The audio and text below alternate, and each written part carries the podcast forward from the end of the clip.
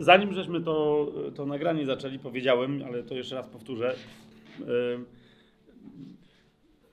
poprzedni, przedostatni e, odcinek, e, no to nasze studium, trzy spotkania temu, mogły być skomplikowane, zwłaszcza ze względu na odczytywanie pewnych figur w Starym Testamencie, proroctw, które były mocno zakodowane zaszyfrowane wręcz e, w e, prawie mojżeszowym itd. Tak itd. Tak e, niemniej dzisiaj to wszystko nam było potrzebne po to, żeby, żeby dzisiaj mówić prostym językiem, na przykład podczas dzisiejszego studium, a i tak zdaję sobie sprawę z tego, że choć to, co mam dzisiaj do powiedzenia, bo musimy to powiedzieć, kiedy mówimy o ukończonym dziele krzyża, jest bardzo proste i mam nadzieję, że to, co powiem, będzie bardzo proste.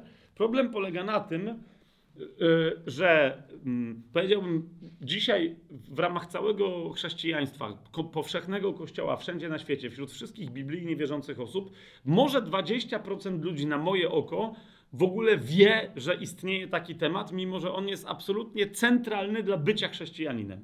Nie? Z tych ludzi, którzy wiedzą, może połowa rozumie o co chodzi naprawdę, a nie tylko, że wie, że jest taki temat i na czym on polega. Nie? A z tego, ile procent żyje e, tym czymś, to już jest kolejna kwestia. Powiedziałbym, kochani, e, i, kiedy zaczynasz rozumieć ten dzisiejszy temat, nie tylko wiedzieć, że jest to prawdą, ale zaczynasz go rozumieć, i od rozumienia przechodzisz do praktykowania tego tematu w swoim życiu, tej prawdy wreszcie w swoim życiu, do przemiany myślenia, do postrzegania rzeczywistości e, wokół siebie, codziennych wydarzeń przez ten pryzmat, wówczas nie tylko Twoje życie, e, nie, nie tylko zaczynasz doświadczać, że jesteś osobą nietykalną, niezwyciężoną, niepodatną na cierpienie, E, że jesteś osobą, której nic nie grozi wreszcie, która może mieć zawsze święty pokój, nie spokój, to twoje życie bez żadnego wysiłku zamienia się e, w regularne, obfite owocowanie dziełami e, Bożymi, życiem według, według Słowa Bożego, życiem zgodnym z wolą Bożą dla Twojego życia. Rozumiecie? A większość problemów, które mają chrześcijanie, które ma chrześcijaństwo, które mają całe kościoły, denominacje i tak dalej, wynika z czego? Albo z tego, że, że mają kompletnie niewłaściwą teologię tego, co się stało na krzyżu i tego, co w wyniku tego, co się stało na krzyżu, stało się w życiu moim i Twoim jako osoby nowonarodzonej. Albo nawet jak mają właściwą teologię, to potem nadal mówią prawdę, ale praktyka od. Yy, jakby nie bierze w ogóle tej prawdy pod uwagę, tylko, rozumiecie, miesza się prawdę Nowego Testamentu, Nowego Przymierza, ukończonego dzieła krzyża, z czym? Z praktyką staroprzymierzową. Um, Dlaczego to jest bezsens? Dzisiaj o tym powiem. I jeszcze raz mówię, to będzie bardzo proste. Ale ten mój wstęp, z czego wynika? Otóż z tego, żeby nawet jeżeli dzisiaj, siostro, bracie, mówię tu do obecnych, do tych, którzy słuchają teraz na żywo, ale też do wszystkich, oczywiście tych, którzy będą nagrania potem słuchać, nawet jeżeli o tym wszystkim, o czym dzisiaj będę mówić, wiesz, to teraz na początku chcę się o to pomodlić, tak? E, żeby ci to nie dało spokoju, dopóki to, co wiesz, nie zamieni się w życie, jakiego w tobie Duch Święty pragnie i dla ciebie. O, o to idzie, żeby nie było tak, że e, przeczytamy tak, a to wiem, to wiem. No tak, oczywiście. Oczywiście dla niektórych dzisiaj pewne rzeczy, które powiem, albo sposób, w jaki je przedstawię, mogą być szokujące. Na zasadzie, zaraz, naprawdę? Co? co? Na tym polega bycie nowym stworzeniem, na tym polega bycie chrześcijaninem, na tym polega bycie osobą duchową, na, zaraz, co się dzieje? Na tym polega praktykowanie tego czy tamtego. Ale jeszcze raz, dlatego potrzebowaliśmy, żeby dojść do tego momentu wyrażenia pewnej bardzo prostej prawdy, czym jest ukończone dzieło krzyża, potrzebowaliśmy tych do tej pory sześciu, czasem bardzo skomplikowanych teologicznie wykładów i spotkań, w ramach których to nasze studium wchodziło głęboko, tak? E, w zapowiedzi na temat baranka Bożego, jako tego, który gładzi grzech świata, ponieważ stwarza zupełnie coś, coś nowego, a, a nie zajmuje się starym i tak dalej, i tak dalej. Potrzebowaliśmy całego tego studium, żeby dziś kiedy ktoś zada pytanie zaraz, ale czy możesz to udowodnić, co dzisiaj powiedziałeś, bo nagle komuś spadną zasłony, jakieś łuski z oczu i powie, o, byłoby wspaniale, gdyby tak było, ale czy to jest prawda? To, jeżeli ktoś dzisiaj zaczyna to studium, to mówię, jesteśmy w samym środku tego studium. Ten sezon pod tytułem Ukończone Dzieło Krzyża będzie mieć 12 spotkań. Dzisiaj jest siódme. E, przestudiuj uważnie wszystko, co powiedzieliśmy od pierwszego, ponieważ tam jest dowód, ok? Biblijny, z każdej strony na to wszystko, co dzisiaj będę mówić, dlatego nie będę, zwłaszcza, że jak wiecie, było pierwsze spotkanie w ramach drugiego, powtarzałem, co było podczas pierwszego, w ramach trzeciego, co było na drugim i tak dalej. Dlaczego? Ponieważ bardzo łatwo jest, takie mam wrażenie, nam się rozproszyć, albo diabłu nas rozproszyć, żebyśmy sobie zapomnieli, o co, co my w ogóle rozważamy. I kiedy nagle przechodzi do, do klucza, który nam jest rozwiązaniem wszystkiego w naszym życiu najlepsze, to wtedy sobie zapominamy, ale i, za, i z powrotem zaczyna się ta sama dyskusja, ale gdzie to masz w Biblii? Nie? Więc jeszcze raz, nie, tu nie chodzi o jeden czy drugi cytat, chociaż jest jeden czy drugi cytat, który jest oczywisty, ale chodzi o to, co mówi cała Biblia. Jeżeli dzisiaj pewne rzeczy będą dla kogoś niezrozumiałe, jeszcze raz mówię od pierwszego do szóstego wykładu. Jasne? Natomiast dziś już jesteśmy w siódmym i zakładamy, że mm, tak jak tu obecni, e, e, e, wszyscy jesteśmy pilnymi studentami Słowa Bożego. Więc już nie będę dzisiaj powtarzał tego, co do tej pory powiedzieliśmy, tylko żeby zacząć mówić o dzisiejszym temacie, najpierw się pomodlimy i to będzie normalnie albo się modlimy na końcu, albo sobie zapominam w ogóle, żeby się pomodlić z wrażenia, ale dzisiaj się pomodlimy na początku. Dlaczego? Bo nawet jeżeli mamy w sobie pragnienie, E, tego, żeby żyć tą prawdą. Znamy tę prawdę, wiemy o co chodzi. Wciąż niektórzy mi mówią, Fabian, i jest, no nie, nie wiem, ja to wszystko wiem i dalej mi to nie działa. Dlaczego? Ponieważ, żeby w pełni żyć prawdą Słowa Bożego, potrzebujemy nie tylko bazować na tym, co mamy dane z łaski w prezencie, w darze, czyli na, e, mamy bazować nie tylko na tym, że mamy nowego ducha i nowe serce, tak? Ale potrzebujemy też dokonać pewnego wysiłku z naszej strony, współpracy z łaską, który się nazywa przemianą myślenia. Tak? Jeżeli ty wiesz o tym, że prawda jest taka, że zasada funkcjonowania, żeby wszystko było dobrze, jest taka, że Bóg jest taki, że Twoja przyszłość jest taka i Ty to wszystko wiesz, ale w dniu codziennym nie masz czasu, żeby sobie odtwarzać tych rzeczy, które wiesz, tylko bazujesz na czym? na y, y, starych mechanizmach myślowych, nie?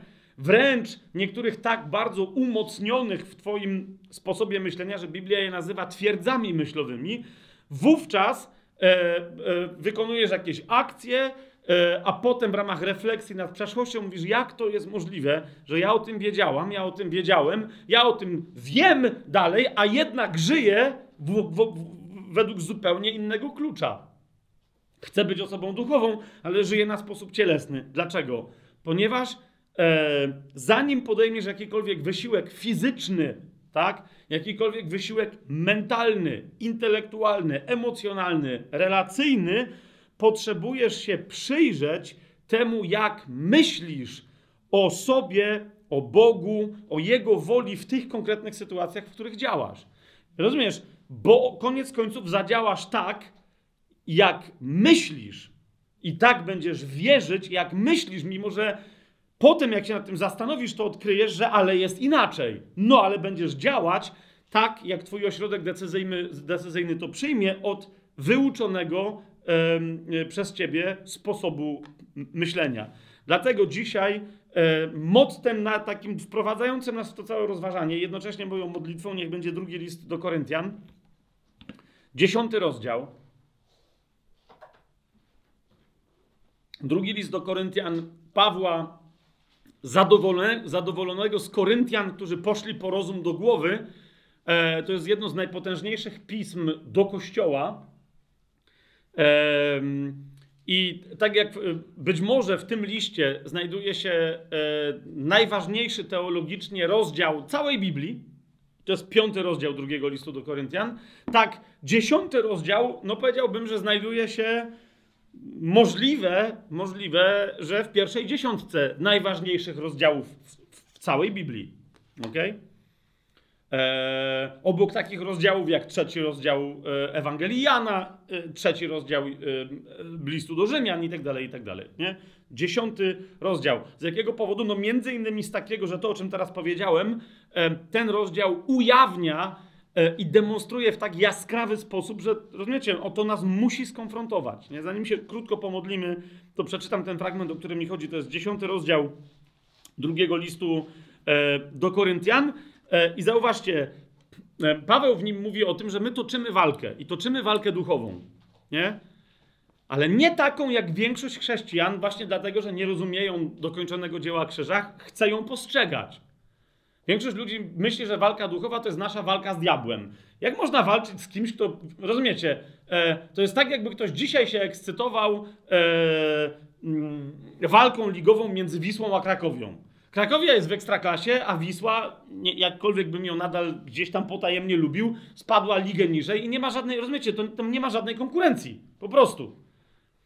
E, a że ci są lepsi, ci gorsi. Po, po prostu. Diabeł został zrzuc- nie tylko, że zrzucony do najniższej ligi, to został w ogóle wyrzucony z wszelkiego rodzaju ligi. Koniec. Nie ma. Poszedł do więzienia, tak? Jeszcze coś tam z tego więzienia, jakieś grypsy wysyła, ale to jest tyle. Za niedługo dostanie pomimo że tego, że dostał czapę, jeszcze dostanie w czapę, jest koniec. Więc rozumiecie, e, jak jest mowa o tym, co my mamy robić ze zwierzchnościami, władzami i tak dalej, na przykład szósty rozdział listu do Efezjan, e, to ze względu na to, że właśnie mnóstwo e, osób dzisiaj reprezentujących teologię chrześcijańską w ogóle nie rozumie, albo nie chce rozumieć, co, co Chrystus w pełni zrobił na krzyżu, to z tamtego rozdziału robią jakiś, jakiś podręcznik do, do uczenia się walki z, z diabłem.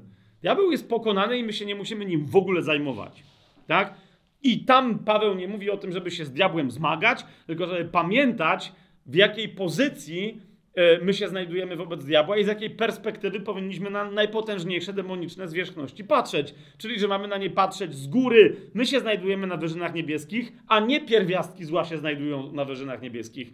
My mamy walczyć z, z, z, z wszelkim pierwiastkiem zła z wyżyn niebieskich, bo my zasiadamy w Chrystusie na tronie po prawicy Boga Ojca na tych wyżynach niebieskich, a nie diabeł. Rozumiecie o co mi chodzi? Natomiast prawdziwa walka duchowa E, jak się jej rzeczywiście przyjrzymy, nie jest walką e, ze złem, ale jest walką o taki nasz sposób myślenia, właśnie, żebyśmy przestali w ogóle z czymkolwiek walczyć, a żebyśmy zaczęli wreszcie kreować. Okay? Więc dziesiąty rozdział drugiego listu do Koryntian mówi o właściwej walce duchowej chrześcijanina. I o co jest ta walka, o co ona się toczy. Od trzeciego wersetu Paweł mówi: Chociaż bowiem żyjemy w ciele, nie walczymy według ciała. Więc dlatego ani nie walczymy ciałem, ani nie walczymy przeciwko ciału i krwi, tak? E, nie to tylko, wiecie, nie wiem ile osób komentujących w internetach to są w ogóle chrześcijanie, mimo że się podają, że są chrześcijanami. My, tak czy siak wiemy, e, że niektórzy podający się w internecie za chrześcijan to są wprost, e, rozumiecie, sataniści, po, po prostu, nie? Którzy celowo udają taką czy inną jakąś tam teologię w internecie, żeby mieszać pomiędzy chrześcijanami i się radują z tego, jak chrześcijanie prawdziwi zaczynają się kłócić, e, bo podważają absolutny, wiecie, fundament naszego podejścia do e, e, całej cielesnej rzeczywistości, że my nie walczymy z ciałem i krwią, nie? Niemniej, jak kiedyś wrzuciliśmy jako tajemny plan shorta pod tytułem Nie ma złych ludzi, są tylko ofiary szatana, to okazało się, że nawet ja fizycznie spotykałem chrześcijan, którzy powiedzieli, że Fabian, ale przesadziłeś, no nie? Ale Hitler, ale Stalin, ale coś tam jakby... Rozumiesz, czyli nadal wyznajesz, że są ludzie, za których Chrystus nie umarł.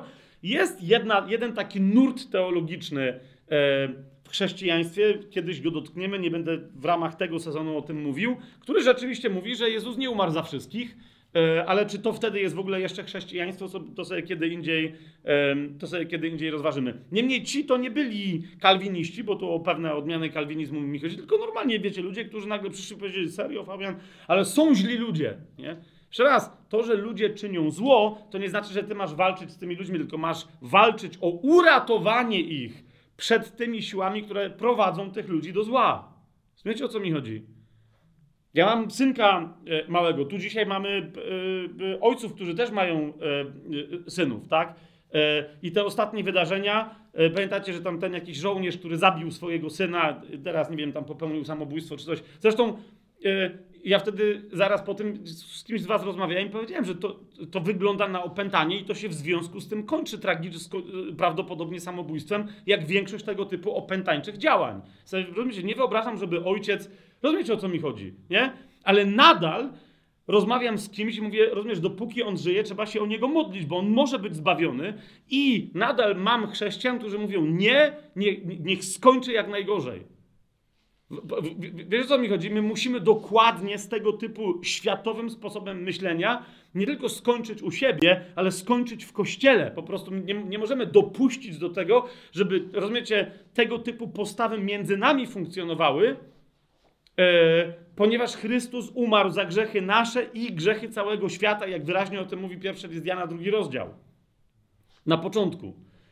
E, a nie my jesteśmy od tego, żeby sądzić ciało i krew czyjekolwiek. Rozumiecie? Wtedy też te reakcje były, że są źli ludzie, co ty w ogóle gadasz i tak dalej, i tak dalej. I naprawdę niektórzy to byli chrześcijanie, niektórzy na szczęście się skontaktowali i dopiero sobie wyjaśniliśmy, co się dzieje, nie? Więc jeszcze raz, my nie walczymy z ludźmi, tylko walczymy o ludzi i o ich zbawienie w imieniu Jezusa Chrystusa. Nie walczymy z diabłem, bo Jezus z nim krótko zawalczył i, i szybko wygrał. Natomiast, zobaczcie jeszcze raz, dziesiąty rozdział drugiego listu do Koryntian. Chociaż bowiem żyjemy w ciele, nie walczymy według ciała, ponieważ oręż naszej walki nie jest cielesny, ale z Boga i ma moc burzenia twierdz warownych. A więc walczymy orężem, które jest przystosowane do burzenia twierdz, do demolki, no mówiąc krótko, tak po angielsku wyburzanie budynków to jest demolition, więc to jest dokładnie My, nasza walka to jest demolka. Ale teraz, co to są za twierdze warowne? Gdzie one się znajdują, przeciwko, których, przeciwko którym walczymy? Otóż, zobaczcie, piąty werset. Obalamy rozumowania, a więc sposoby myślenia i wszelką wyniosłość, yy, która powoduje te sposoby myślenia, która powstaje przeciwko poznaniu Boga. I jak walczymy z nimi, niszczymy je, a z drugiej strony wszelką swoją myśl y, i innych, którzy chcą się temu poddać, mm, wszelką myśl zniewalamy do posłuszeństwa Chrystusowi.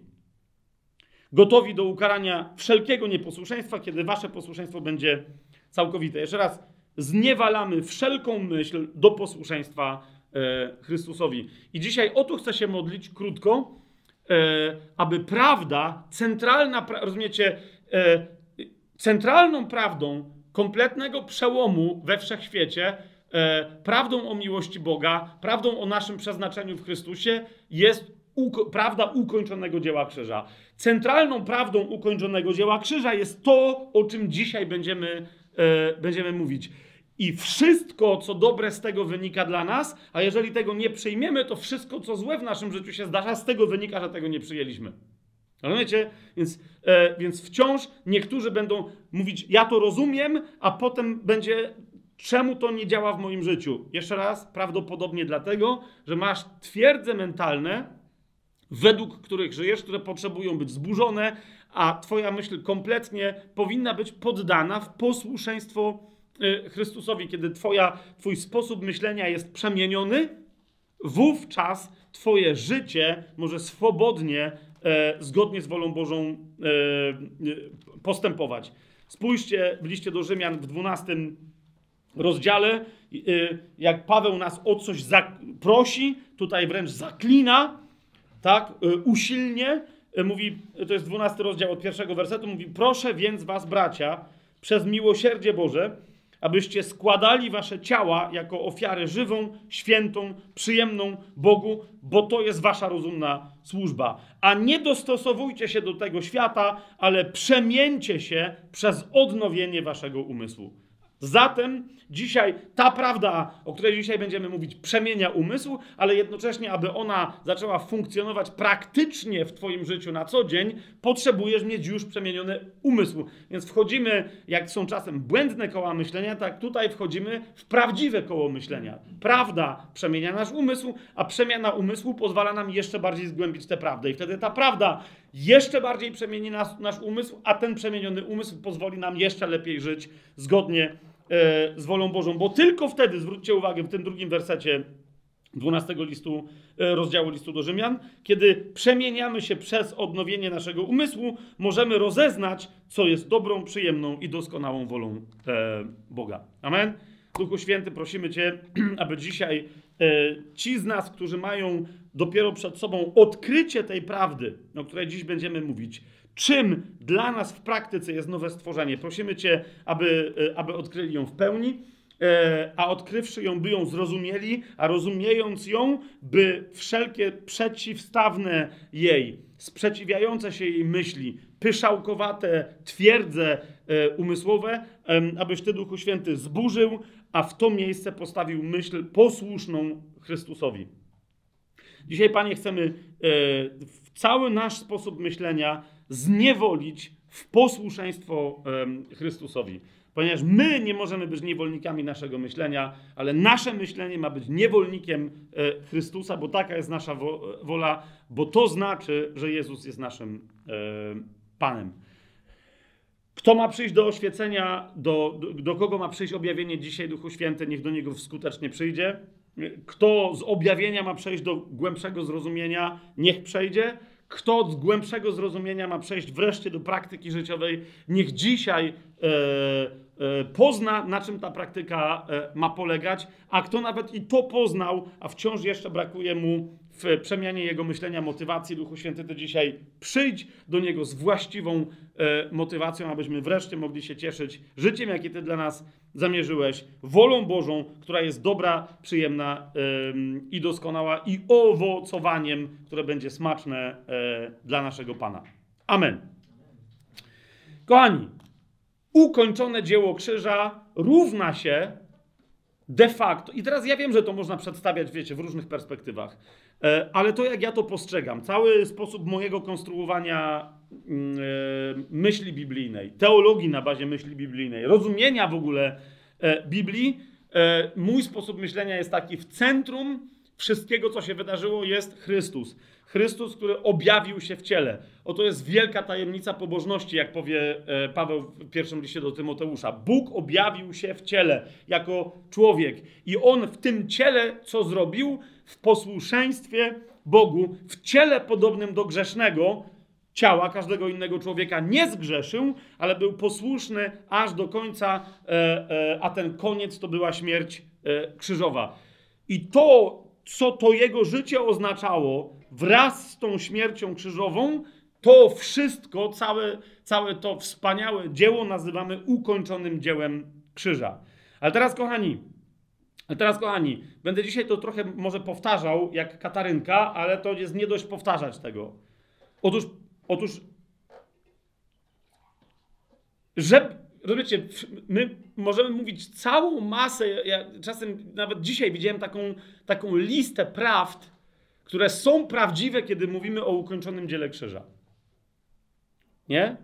One są prawdziwe, ale jeżeli zabraknie tego, o czym myśmy mówili, zwłaszcza podczas ostatniego studium, to te wszystkie prawdziwe rzeczy się rozsypują, bo nie ma spoiwa, które by, rozumiecie, zrobiło z nich właściwy obraz. I to jest tak, jakby mieć puzzle, ale nie mieć obrazu. One cały czas się rozsypują, nie wiemy o co chodzi w tym obrazie. Co jest spoiwem? Otóż te wszystkie prawdy, ktoś powie, że ukończone dzieło krzyża to jest to, to jest tamto, to jest jeszcze co, coś.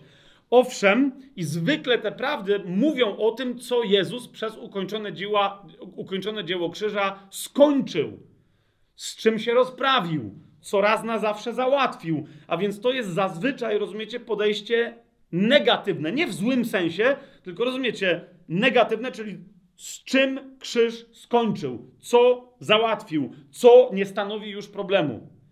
Natomiast te rzeczy nadal będą stanowić problem, jeżeli my nie zrozumiemy, że te wszystkie aspekty, co Jezus skończył, są prawie niczym w porównaniu z tym, co Jezus zaczął. Rozumiecie? A zatem ukończone dzieło krzyża to jest rozpoczęte dzieło nowego stworzenia. jeżeli my nie będziemy mieli tych dwóch rzeczy ze sobą na stałe związanych, to ani jednej, ani drugiej nigdy nie będziemy w pełni rozumieć. Ok? A zatem ukończone dzieło krzyża w mojej perspektywie, jeszcze raz ktoś się może z tym nie zgadzać i tak dalej, ale jeszcze raz wtedy konsekwencje, nawet logiczne później rozumienia Biblii będą dziwne. Ukończone dzieło krzyża to jest nowe stworzenie. Rzecz jasna, nowe stworzenie zostało potwierdzone zmartwychwstaniem Chrystusa, ale jeszcze raz pamiętajcie, nowe stworzenie to jest nowa ludzkość, która y, została zrodzona przez Chrystusa, przez nowego Adama, tak jak pierwszy Adam zrodził swoją żonę, czyli Ewę, w taki sposób, że kiedy spał, została wyjęta z jego boku. Okay? Pierwsza kobieta, pierwsza żona pierwszego męża jest urodzona przez swojego męża, okay? przez wyjęcie jej z boku tego męża przez Boga. To samo dokładnie stało się z Chrystusem na krzyżu. Jeszcze raz myśmy o tym yy, poprzednio mówili na tyle dużo, że nie będę tego powtarzać, tak?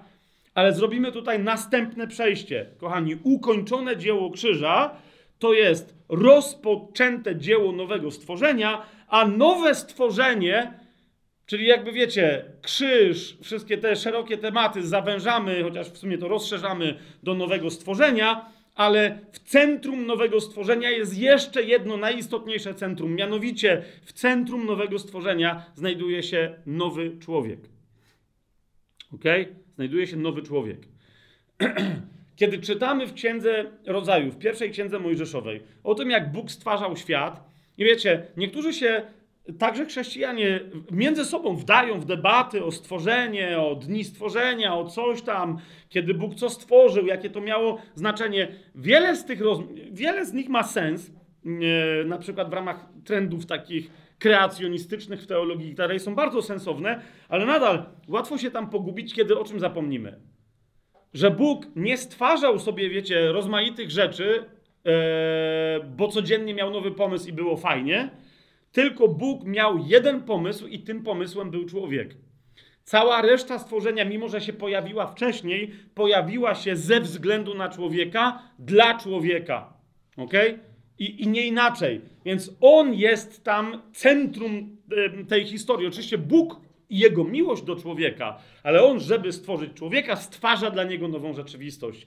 I teraz, kochani, Chrystus jest nowym Adamem. Na krzyżu dokonuje się e, dzieło nowego stworzenia. Krzyż przez śmierć Chrystusa, od momentu, kiedy on krzyknął, wykonało się, staje się nowym centrum wszechświata, centrum tego wszechświata jest raj, a w środku tego raju znajduje się drzewo krzyża, które od tej pory jest nowym drzewem życia. Ok? Drzewem życia wiecznego, rzecz jasna. E, w rzeczywistości, w której jeżeli ktoś zje z tego drzewa raz, otrzymuje życie wieczne, które się nigdy nie skończy. Życie wieczne w szczęściu, w pokoju, w pojednaniu z Bogiem. I teraz rozumiecie, więc fakt, że Chrystus na drzewie krzyża, bo niektórzy e, mówią, no jeżeli tam by doszło do nowego stworzenia, to gdzie jest to nowe stworzenie? E, to jest jeden, jedno z istotnych zagadnień, którym się dzisiaj zajmiemy, ale pamiętaj, nowe stworzenie ma inny proces niż pierwsze stworzenie, tak? To jest dzieło naprawcze, ale które nie polega na naprawieniu starego, więc nie ma tego samego wzorca. To naprawienie starego polega na daniu szansy staremu stworzeniu, żeby się stało nowym. Nie? A więc ludzie nie przestaną istnieć, ale będą istnieć jako inni ludzie niż ci, którzy byli stworzeni na początku, według innej zasady. Ciało i krew nie przetrwa na wieki. Czy to jest jasne? Tak? Musi się pojawić nowy człowiek. Więc, kochani, ukończone dzieło krzyża równa się nowe stworzenie, a nowe stworzenie równa się nowy człowiek. I to jest centrum. E, teraz cały ten, że tak powiem, tydzień nowego stworzenia zaczyna się od człowieka, a nie kończy na nim. Kapujecie? Czyli pierwsze co, cała reszta stworzenia, zauważcie, dzisiaj ten cytat też się pojawi, co mamy napisane? Że całe stworzenie jęczy i wzdycha w liście do Rzymian w 8 rozdziale, oczekując objawienia się synów Bożych. Dlaczego? Ponieważ kiedy dojdzie do objawienia się tych, którzy już istnieją, ale są ukryci, wówczas dojdzie do przemiany całego stworzenia. Czy to jest jasne? Nie? Zobaczcie tylko szybciutko e, razem ze mną w liście do Rzymian w ósmym rozdziale. Spójrzcie, e, to jest ósmy rozdział od 19 e, wersetu. Stworzenie bowiem z gorliwym wypatrywaniem oczekuje objawienia synów Bożych. Gdyż stworzenie jest poddane marności, nie dobrowolnie, ale z powodu tego, który je poddał w nadziei, że i samo stworzenie będzie uwolnione z niewoli zniszczenia do chwalebnej wolności dzieci Bożych. Rozumiecie? Two, stworzenie się pojawiało i zwieńczeniem tego różnych, że tak powiem, e, poziomów przestrzeni stworzenia były rośliny, zwierzęta, kosmos itd., itd., itd. I na końcu pojawił się człowiek. Teraz najpierw pojawił się nowy człowiek. Jest nim Chrystus Jezus, to jest nowy Adam. Tak? Jezus Chrystus w tym wypadku.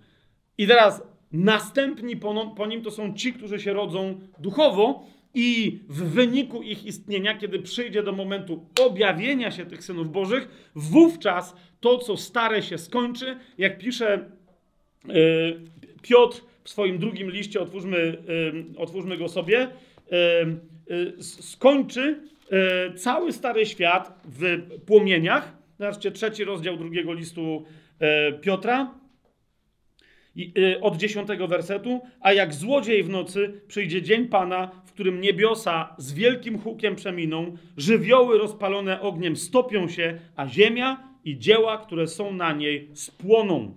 Nie spłoną natomiast synowie Boży, e, a dla nich e, pojawi się nowe e, niebo i nowa ziemia, nowa rzeczywistość, nowa przyroda, pojawią się znowu zwierzęta. Myślę, że te zwierzęta, które my znamy, e, będziemy wiedzieli na przykład, że lew to jest lew, a tygrys to jest tygrys, a słoń to jest słoń, ale się zdziwimy, bo będą wyglądać nieco inaczej. Zresztą to nie pierwszy raz w historii, e, w historii dziejów, tak? E, to nie trzeba być chrześcijaninem, żeby o tym wiedzieć. Archeologowie wykopują teraz jakieś, wiecie, skorpiony, które miały 3,5 metra długości, bo był taki czas, kiedy pewne zwierzęta były duże, teraz są małe. Wiecie o co mi chodzi, tak? Rośliny i tak dalej. Więc znów, e, wiecie, lew, który ma jeść słomę i który jest weganinem, e, no musi mieć inaczej skonstruowaną szczękę. Nie wiem, czy rozumiecie o co mi chodzi. Musi, musi mieć inaczej zęby ustawione, inaczej mu będzie cała reszta ciała wyglądać. Może będzie mieć cztery żołądki jak krowa. No, ja nie wiem, ale dojdzie do zmian e, w, w przyrodzie, tak? Jeżeli dzieci małe się mają bawić z kobrami, to umówmy się, że te kobry tam muszą mieć jak najmniej różnych e, elementów zaczepno-obronnych, żeby nawet niechcący dziecka nie ukąsić, bo się mają bawić z dziećmi i tak dalej, i tak dalej. Swoją drogą wyobrażanie sobie kobry jako, jako zwierzęcia przyjaznego, które się ma bawić z dzieckiem jak szczeniaczek. No widzicie o co mi chodzi. To będzie zupełnie nowa rzeczywistość, ale zmiana geografii nowej Ziemi, zjawisk niebieskich na nowym niebie, przyrody, atmosfery itd., tak itd. Tak będą następujące po objawieniu się synów Bożych. Tak? A więc Teraz jakby wszystko się odwróciło, wszystko się zaczyna od nowego człowieka, a skończy odrestaurowaniem całego stworzenia. Zresztą w jednym z pierwszych ze swoich y, głoszeń Piotr w dziejach apostolskich dokładnie o tym mówi. Nie? Co się musi wydarzyć, zanim dojdzie do odrodzenia i odnowienia, e, stworzenia na nowo wszystkich rzeczy. Amen? I teraz, kochani, bardzo szybko żebyśmy to zobaczyli, że jesteśmy nowe stworzenie, to jest w pierwszej kolejności dzisiaj nowy człowiek. Jeżeli ktoś z Was będzie chciał sobie przestudiować ten temat, to znowu dzisiaj podsuwam e, hasła. Pierwsze bardzo istotne hasło to jest nowe stworzenie. Nowym stworzeniem jest nowy człowiek. Ok? Po pierwsze, drugi list do Koryntian, piąty rozdział, 17 werset. Jak dochodzi do nowego stworzenia, to my o tym będziemy mówili więcej następnym razem, e, bo wciąż ludzie mnie pytają, skąd, czy ja jestem nowym stworzeniem. Czy, czy jestem nowonarodzoną osobą? Czy jestem osobą duchową? Czy, czy w związku, bo jeżeli tak, rozumiecie, mnóstwo ludzi wie, że jeżeli tak, to, to mogę być pewny usprawiedliwienia, to wiem, że pójdę do nieba, ale ja nie wiem, czy jestem usprawiedliwiony, nie? Więc y, o tym będziemy mówić następnym razem, jak być pewnym swojego usprawiedliwienia, bo jeżeli jesteś pewny, jeżeli twoje usprawiedliwienie jest pewne, to jesteś nowym stworzeniem. Amen? To jesteś nowym człowiekiem. No ale teraz, kto jest na pewno usprawiedliwiony, ten znajduje się w Chrystusie. Drugi list do Koryntian, piąty rozdział, jak powiedziałem, jeden z najważniejszych. Jakbyśmy mieli pojedyncze rozdziały wyrywać z Biblii, to jeden z absolutnie najważniejszych w całej Biblii, jeżeli nie najważniejszy. W 17 wersecie mówi wprost: Tak więc, jeżeli ktoś jest w Chrystusie, jest nowym stworzeniem. To, co stare, przeminęło i Greka tu, rozumiecie, e, ma taki, taki tak, no, no, nie pluralizm majestaticus, ale taki majestatyczny sposób opowiedzenia o tym. Nie, nie ma tu co prawda wprost, literalnie w Grece napisane wszystko to, co stare przeminęło, ale to jeszcze bardziej podkreśla fakt, nie? Że wszystko to, co stare, cokolwiek ma, jest naznaczone, rozumiecie, y, w oczach Bożych przymiotnikiem stare, stare, stare, dla nowego stworzenia stało się już przestarzałe, jest nieaktualne. Wszystko to, co stare, przeminęło, a oto wszystko stało się nowe. No masz takie doświadczenie? Rozumiesz, bo jeżeli go nie masz, to to jest dokładnie to, o co my w duchu mamy walczyć. O to się toczy moja, moja walka duchowa i twoja walka duchowa. Bo to jest nam dane w Chrystusie. Ja jestem w Chrystusie, jestem nowym stworzeniem. Więc czy moje doświadczenie jest takie, że naprawdę wszystko jest nowe? Czy też w momencie, kiedy się dzieją jakieś rzeczy w moim życiu, pojawiają się jakieś sytuacje, wyglądają mi, smakują mi i brzmią jak po staremu? Jeżeli tak, to w tych wszystkich aspektach znaczy, że jeszcze nie funkcjonuje jak nowe stworzenie. Czasem ludzie powiadają, dobra, to jest jeden cytat, on jest świetny, ale czy są jakieś inne cytaty, które to potwierdzają, bo wiesz, musimy opierać się na dwóch albo trzech świadkach. List do Efezjan w zasadzie cały o tym mówi. E, I jeżeli ktoś, ktoś z Was chciałby, mm, e, lubi list do Efezjan czytać, bo lubi temat Kościoła, to polecam Wam serdecznie, jeżeli gdzieś w Biblii jest najpotężniejszy tekst pojedynczy, jedno zdanie o nowym stworzeniu, którym jest nowy człowiek, który jest w Chrystusie Jezusie, to jest drugi do Koryntian, 5 rozdział, 17 werset. Ogólnie cały drugi do Koryntian, 5 rozdział, ten rozdział mówi o, ale jeżeli ktoś mnie pyta, czy jest cała księga temu poświęcona, to kochani, jest list do Efezjan. Od początku aż do samego końca. Jeżeli nie rozumiesz, to nie jest Rozumiesz, częścią nowego stworzenia jest tajemnica Kościoła, ale list do Efezjan w całości nie jest o Kościele, ale jest o nowym człowieku, którym tym nowym zbiorczym człowiekiem jest Kościół, tak przy okazji, tak? Nie, nie będzie żadnego innego, nie będzie dwóch nowych ludzi, nie wiem czy rozumiecie, tak? Jest Chrystus, ale On jest głową swojego ciała, którym jest Jego żona, to i to jest nowa ludzkość.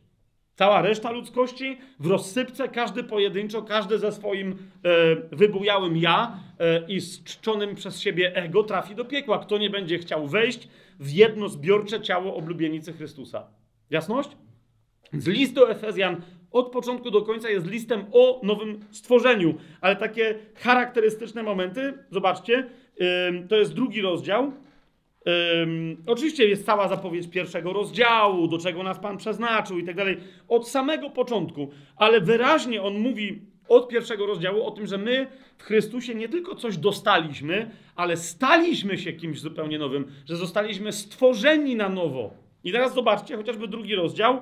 E, wszyscy wiecie, jak głosimy Ewangelię innym, jak nam była głoszona, to wiadomo, drugi rozdział ósmy werset. Łaską bowiem jesteście zbawieni przez wiarę i to nie jest z was, to jest dar od Boga. Nie z uczynków, aby się nikt nie chlubił. Amen?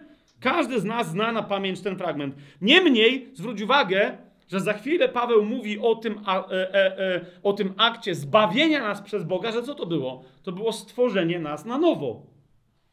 Tak? Łaską jesteście zbawieni. Co to znaczy? Zaraz dziesiąty werset. Jesteśmy bowiem Jego dziełem, stworzeni w Chrystusie Jezusie. Jasne to jest? Kiedy my zostaliśmy stworzeni w Chrystusie Jezusie? Jeszcze raz. Na krzyżu to jest przede wszystkim nie dzieło niszczenia i kończenia jakichś rzeczy, ale stworzenia nowego człowieka. I zobaczcie dalej, ten drugi, jak on tu zaczyna, mówi, a, bo, bo nie jarzycie jeszcze, że my jesteśmy stworzeni w Chrystusie Jezusie, że my jesteśmy kimś innym niż tym, kim byliśmy, kiedy byliśmy umarli w naszych grzechach, no to pozwólcie, że wam wyjaśnię. I zobaczcie w tym drugim rozdziale, 14 i 15 werset. On bowiem, czyli Chrystus Jezus, tak? 13 werset. On bowiem jest naszym pokojem. On, który z obydwu różnych typów ludzi i tak dalej, i tak dalej. Uczynił jedno i zburzył stojący pośrodku mur, który był przegrodą. Piętnasty werset, uważajcie. Znosząc przez swoje ciało nieprzyjaźń, a więc skończył pewne rzeczy. Znosząc prawo przykazań wyrażone w przepisach, a więc kończąc pewne rzeczy. Po co? Aby z dwóch stworzyć w samym sobie jednego nowego człowieka, w ten sposób czyniąc pokój. Rozumiesz? Na krzyżu dokonuje się stworzenie nowego człowieka. Kto jest tym nowym człowiekiem? Siostro i bracie, ty. Ja. My razem stanowimy przez dokładnie to stworzenie, część nowego, jednego duchowego, zbiorczego człowieka, oblubienicy Chrystusa, nowej Ewy, Kościoła, tak? Ale jeszcze raz, rozumiesz, to, co się dokonało na krzyżu, to było stworzenie nowego ciebie, nowej ciebie. I teraz popatrz, jak ty myślisz o swoim momencie zbawienia, usprawiedliwienia, że to wtedy to była modlitwa, tam było głoszenie, ewangelizacja, coś, ktoś ci świadczył. Ale rozumiesz, czy ty postrzegasz tamten moment jako moment, kiedy coś zostało ci dane, czy jako moment, kiedy ty się skończyłaś i skończyłeś jako ktoś, a zaczęłaś, czy zacząłeś jako ktoś nowy? Jeszcze raz, będziemy do tego wracać, ale pomyśl, jak ty, to jest jedna z twierdz mentalnych. Rozumiesz? Lu często ludzie, którzy mówią, ale wiesz, czy można utracić zbawienie? O dobry, bo rozumiesz, to jest takie, ale kto miałby utracić? Rozumiesz? No bo człowiek może zgrzeszyć. Ja to rozumiem, ale zauważ, co to znaczy. Czyli ty sobie wziąłeś zbawienie? Ty sobie wziąłeś zbawienie i je trzymasz w rękach. To znaczy zgrzeszyć? Upuścić to zbawienie i wtedy możesz je stracić. Tylko, że to oznacza, że nigdy nie byłeś zbawiony, jeżeli od początku tak było. Dlaczego? Bo łaską jesteście zbawieni przez wiarę i to nie jest z was, ale to jest dar od Boga. Jaki? Stwórczy. Rozumiesz? Od początku nie zależało od ciebie. To jest tak, jakby ktoś, rozumiesz, przyszedł do ciebie i, i, i zaczął ci twierdzić, wiesz co, jestem człowiekiem, ale boję się, że mogę, o, boję się, że istnieje utracalność człowieczeństwa. Możesz się stać złym człowiekiem, ale rozumiesz, możesz umrzeć jako człowiek, ale umrzesz jako człowiek. Nie możesz nagle zamienić się z człowieka w żyrafę, ty. Jest, rozumiesz? Usp akt usprawiedliwienia jest aktem nowego stworzenia. Jest aktem stworzenia człowieka usprawiedliwionego. E, jeszcze o tym będziemy mówić nieco więcej dalej. A nie aktem e, przykrycia dziadostwa starego człowieka. To jest, rozumiecie, to jest, to jest duża tradycja e, protestancka, która według mnie jest kompletnie fałszywa. Kto, wiecie, że człowiek, e, całe dzieło na krzyżu niczego z człowiekiem nie robi. Ten człowiek dalej jest masakrą grzeszną, jest syfny, Bóg go nienawidzi, ale krew Chrystusa go przykrywa i kiedy on staje przed Bogiem, Bóg jest głupi i on nie rozumie, że widzi ten syf, tylko wpuszcza do nieba kogo? Swojego syna, bo, ponieważ widzi krew swojego syna. Znacie dokładnie tę teologię. Absolutny fałsz. Jeżeli jest coś takiego, to rozumiecie, albo Bóg jest głupi, albo my wchodzimy nieuczciwie do nieba. No rozumiecie, cała ta opowieść jest po prostu, no nie chcę powiedzieć, że wiecie, że przez psa wyżygana czy coś, ale no, no po prostu to jest nonsens. Co ta opowieść mówi o człowieku, o Chrystusie, co Jezus zrobił na krzyżu, czy o twoim stanie duchu, rozumiesz? Co ona ci opowiada? Gdzie tam jest miłosierdzie Boże? Gdzie tam jest łaska? Gdzie tam jest ojciec i gdzie tam jest syn? Gdzie tam ja jestem dzieckiem? Rozumiesz? Co się dzieje? Dalej. Spójrzcie, Ewangelia y, Jana, tak? Bo jeszcze raz, cały list do Efezjan, ale nie, przecież nie będziemy go rozważać, bo my tu się mamy ponoć w półtorej godzinie, co tydzień mieścić się mi nigdy nie udaje. Ewangelia Jana, pierwszy rozdział. Od dziesiątego werse, wersetu. Chrystus, y, Bóg, tak? Słowo wciela się ten, który jest stworzycielem, wciela się i przychodzi do swojego starego stworzenia. I teraz jak e, Jan e, w prologu, Duch Święty przez Jana mówi o tym akcie. Ewangelia Jana, pierwszy rozdział od dziesiątego wersetu. Był on na świecie, a świat został przez niego stworzony, ale świat go nie poznał. Do swojej własności przyszedł, lecz swoi go nie przyjęli. Ale wszystkim tym, którzy go przyjęli, zwróćcie uwagę, dał moc, aby się stali synami Bożymi. Czymś, widzisz, że to jest zupełnie coś innego. Byli stworzeniem starym, które nic nie rozpoznawało, ale kiedy się, jeżeli zechcieli to przyjąć, otrzymali moc do tego, aby się stać kimś zupełnie nowym. Kto przyszedł na świat? Syn Boży. I dał nam co w prezencie? Moc, abyśmy i my stali się jak On. Dał moc, aby się stali synami Bożymi. Bożymi. To jest komu? Tym, którzy wierzą w Jego imię, którzy się w ten sposób zrodzili nie z krwi, ani nie z woli ciała, ani nie z woli mężczyzny, ale z samego Boga. Zupełnie, rozumiesz, niczego do tej pory tego e, typu nie było na świecie. Piotr w swoim pierwszym liście e, przepięknie kto by podejrzewał Piotra takiego, jakiego znamy z Ewangelii, żeby takim poetą się stał, nie? ale w Duchu Świętym nie, nie takie, nie takie cuda się dzieją. Piotr e, w swoim pierwszym liście, w pierwszym rozdziale, zobaczcie jak, e, jak pisze, jeżeli ktoś czyta Biblię i nigdy w życiu nie doznał wzruszenia przy tym fragmencie, to powinien się modlić do Ducha Świętego i wracać do tego listu, aż dopóki nie przeczyta przynajmniej pierwszego rozdziału ze łzami w oczach. Ok? Pierwszy list Piotra, pierwszy rozdział, trzeci werset. Błogosławiony Bóg i Ojciec naszego Pana Jezusa Chrystusa, który według swojego wielkiego miłosierdzia zrodził nas na nowo do żywej nadziei przez wskrzeszenie Jezusa Chrystusa z martwych. Wiecie, Piotr mówi dokładnie to samo, co ja, zupełnie innym językiem. On tam mówi, że Słowo Boże dało nam moc. Tak? Oczywiście, że, że, że myśmy się stali synami Bożymi z woli Ojca, a tu on mówi, Ojciec nas sam zrodził. Rozumiesz, że to jest zupełnie nowy akt nowego, e, akt nowego stworzenia. Otwórzmy sobie pierwszy list Jana. Jak już tu jesteśmy, w pierwszym liście Jana, w drugim e, rozdziale.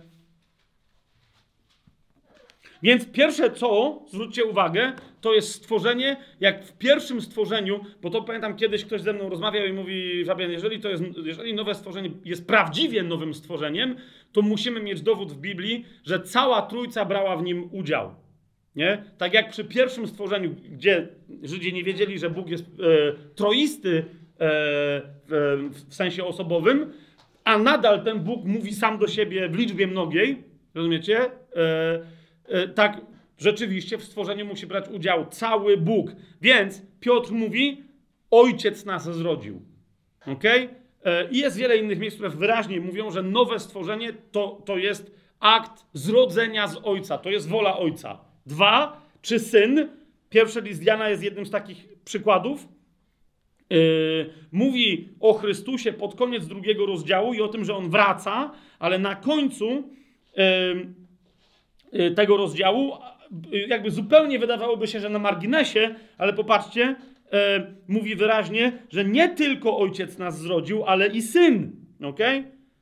28-29 werset drugiego rozdziału pierwszego listu Jana. Popatrzcie, mówi, a teraz dzieci, pozostańcie w nim, abyśmy, gdy się ukaże, czyli w momencie dnia powrotu Chrystusa, abyśmy mieli ufność i nie zostali zawstydzeni przez Niego w czasie Jego przyjścia. I popatrzcie na to, jeżeli wiecie, że On jest sprawiedliwy, wiedzcie też, że każdy, kto czyni sprawiedliwość, z Niego się narodził. I prześledźcie cały ten tekst, zobaczycie, że On mówi o Chrystusie. Okay? Mówi też o, o Bogu Ojcu, ale w tym mówi o, o tym, który powraca na ziemię. Myśmy się narodzili z Ojca i narodziliśmy się z Syna. Na tym, polegała, na tym polegało to, że On nam dał tę moc. Jasne? Yy, a Duch Święty no to jest najlepsze, że ludzie akurat ten fragment najlepiej znają. Pamiętam też rozmowę kiedyś z jednym bratem i on też mówi, do, mówi dobra, sprawdził, mówi, jest ojciec, jest syn. Nawet list do hebrajczyków znalazł i mówi, rzeczywiście, on tam mówi do swojego ojca, syn mówi do ojca, oto ja i moje dzieci, o kościele, w drugim rozdziale, tak? Więc mówi, znalazłem to, mówi, ale gdzie jest Duch Święty?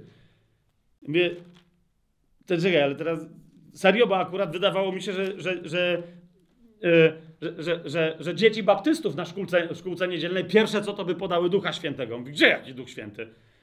Ewangelia na trzeci rozdział. Tak. Od piątego do siódmego wersetu Jezus odpowiedział: Amen, amen. Powiadam ci, jeżeli ktoś nie narodzi się z wody i z ducha, nie może wejść do Królestwa Bożego. I ten mówi: Ty rzeczywiście. Ty rzeczywiście, no ale powiecie, bo tu są rozważania o chrzcie, które nie mają nic do rzeczy. Okay? To nie jest rozważanie o chrzcie tutaj Jezusowe. Co, szósty werset i siódmy. Co się narodziło z ciała, jest ciałem, a tylko to, co się narodziła, narodziło z ducha, jest duchem. Nie dziw się więc, że ci powiedziałem, musicie się na nowo narodzić. Wiatr, ósmy werset, wieje gdzie chce i słyszysz jego głos, ale nie wiesz skąd przychodzi i dokąd zmierza. Tak też jest z każdym, kto się narodził z ducha. Jesteśmy zrodzeni przez Ojca, Syna i Ducha, z Ojca, Syna i Ducha Świętego. Amen? Pełne, absolutnie nowe stworzenie, ale co jest bardzo istotne, nowe stworzenie, które nie jest aktem, zwróćcie uwagę, co się dzieje. Pierwsze nowe stworzenie jest aktem rzemieślniczym, bym powiedział. Nie? Bóg sięga ręką po glinę, no i tworzy prototyp, czyli mężczyznę. Wyszło jak wyszło, tak? Potem już e, miałem takiego jednego wykładowcę e, filozofii i teologii. E, on zawsze pół żartem, ale pół serio mówił, że mi- miał siedem dowodów na wyższość kobiet nad mężczyznami z, ze stworzenia Bożego. No nie? I jednym z tych siedmiu dowodów był dowód z jakości materiału. Nie? Mówi, że mężczyzna jest zrobiony no, z, z gliny, jak na odpuście te takie ptoszki, co się do nich wodę wlewa i tam, wiecie, się, no ale upuścisz na ziemię i się roz... tego. A kobiety są zrobione z kości. Spróbuj upuścić jakieś narzędzie z kości, że się roztłucza. Oczywiście, że nie. Więc to był jeden z jego dowodów e, na wyższość kobiety nad mężczyzną e, z materiału, z którego zostali stworzeni. Eee, czekaj, po co ja to mówię? Nieważne. Eee, z- z- zostawmy to. Em, list do Tytusa. List do Tytusa. W liście do Tytusa Paweł, list do Tytusa, trzeci rozdział. Spójrzcie, yy, jeszcze jeden potwierdzający nam całą tę i, i podsumowujący całą tę myśl. Aha, o tym chciałem powiedzieć, bo to, to jest istotne. Więc człowiek został stworzony pierwszy w akcie rzemieślniczym. No, z różnych materiałów, czyli z gliny, o to mi chodziło. A e, następnie z kości, ale nadal, rozumiecie, no to była produkcja, zauważcie, garncarz, no i nie wiem jak to, rzeźbiarz, czy co tam Bóg z tej kości robił, że mu takie dziwne stworzenie wyszło, no nie? Jak kobieta. Ale w każdym razie, tak? Człowiek, pełny człowiek, mężczyzna, kobieta, kobieta i mężczyzna z gliny, z kości, z kości i z gliny. Zrobieni. Rozumiecie o co mi chodzi? Zrobieni. Zauważ, nowy człowiek jest przez Boga w całości kompletnie zrodzony jako jego dziecko. Nie jest, nie jest jego stworzeniem w sensie, e, nie jest zrobiony, ale jest nowym stworzeniem, gdyż jest zrodzony z Boga. Zauważacie to? Absolutnie nowa jakość, absolutne podniesienie, absolutne podniesienie. E, Zobaczcie w trzecim rozdziale tego listu do Tytusa, od trzeciego do siódmego wersetu czytamy. Paweł pisze: Niegdyś bowiem i my byliśmy głupi, oporni, błądzący, służący rozmaitym porządliwościom i rozkoszom, żyjący w złośliwości i zazdrości, znienawidzeni i nienawidzący jedni drugich. Ale spójrzcie na to. Jeden z najpiękniejszych tekstów na temat nowonarodzenia, ale też na temat Kościoła. Ale w całej Biblii, gdy się objawiła dobroć i miłość Boga, naszego Zbawiciela, względem ludzi, nie z uczynków sprawiedliwości, które my spełnialiśmy, ale według swojego miłosierdzia zbawił nas przez obmycie odrodzenia i odnowienie Ducha Świętego, którego wylał na nas obficie przez Jezusa Chrystusa, naszego Zbawiciela. Tutaj to obmycie odrodzenia, to słowo odrodzenie tutaj to jest yy, palingenesia. Yy, i równie dobrze to można przetłumaczyć jako nowo, nowe narodzenie, czy nowonarodzenie.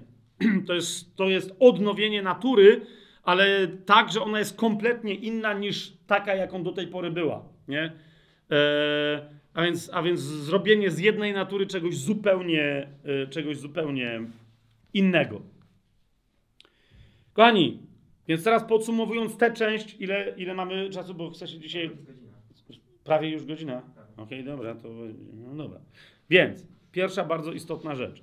Nowy człowiek, pamiętaj o tym, y, podsumuję to, co do tej pory najważniejszy aspekt tego, o czym teraz powiedziałem. Nowy człowiek to nie jest osiągnięcie starego człowieka.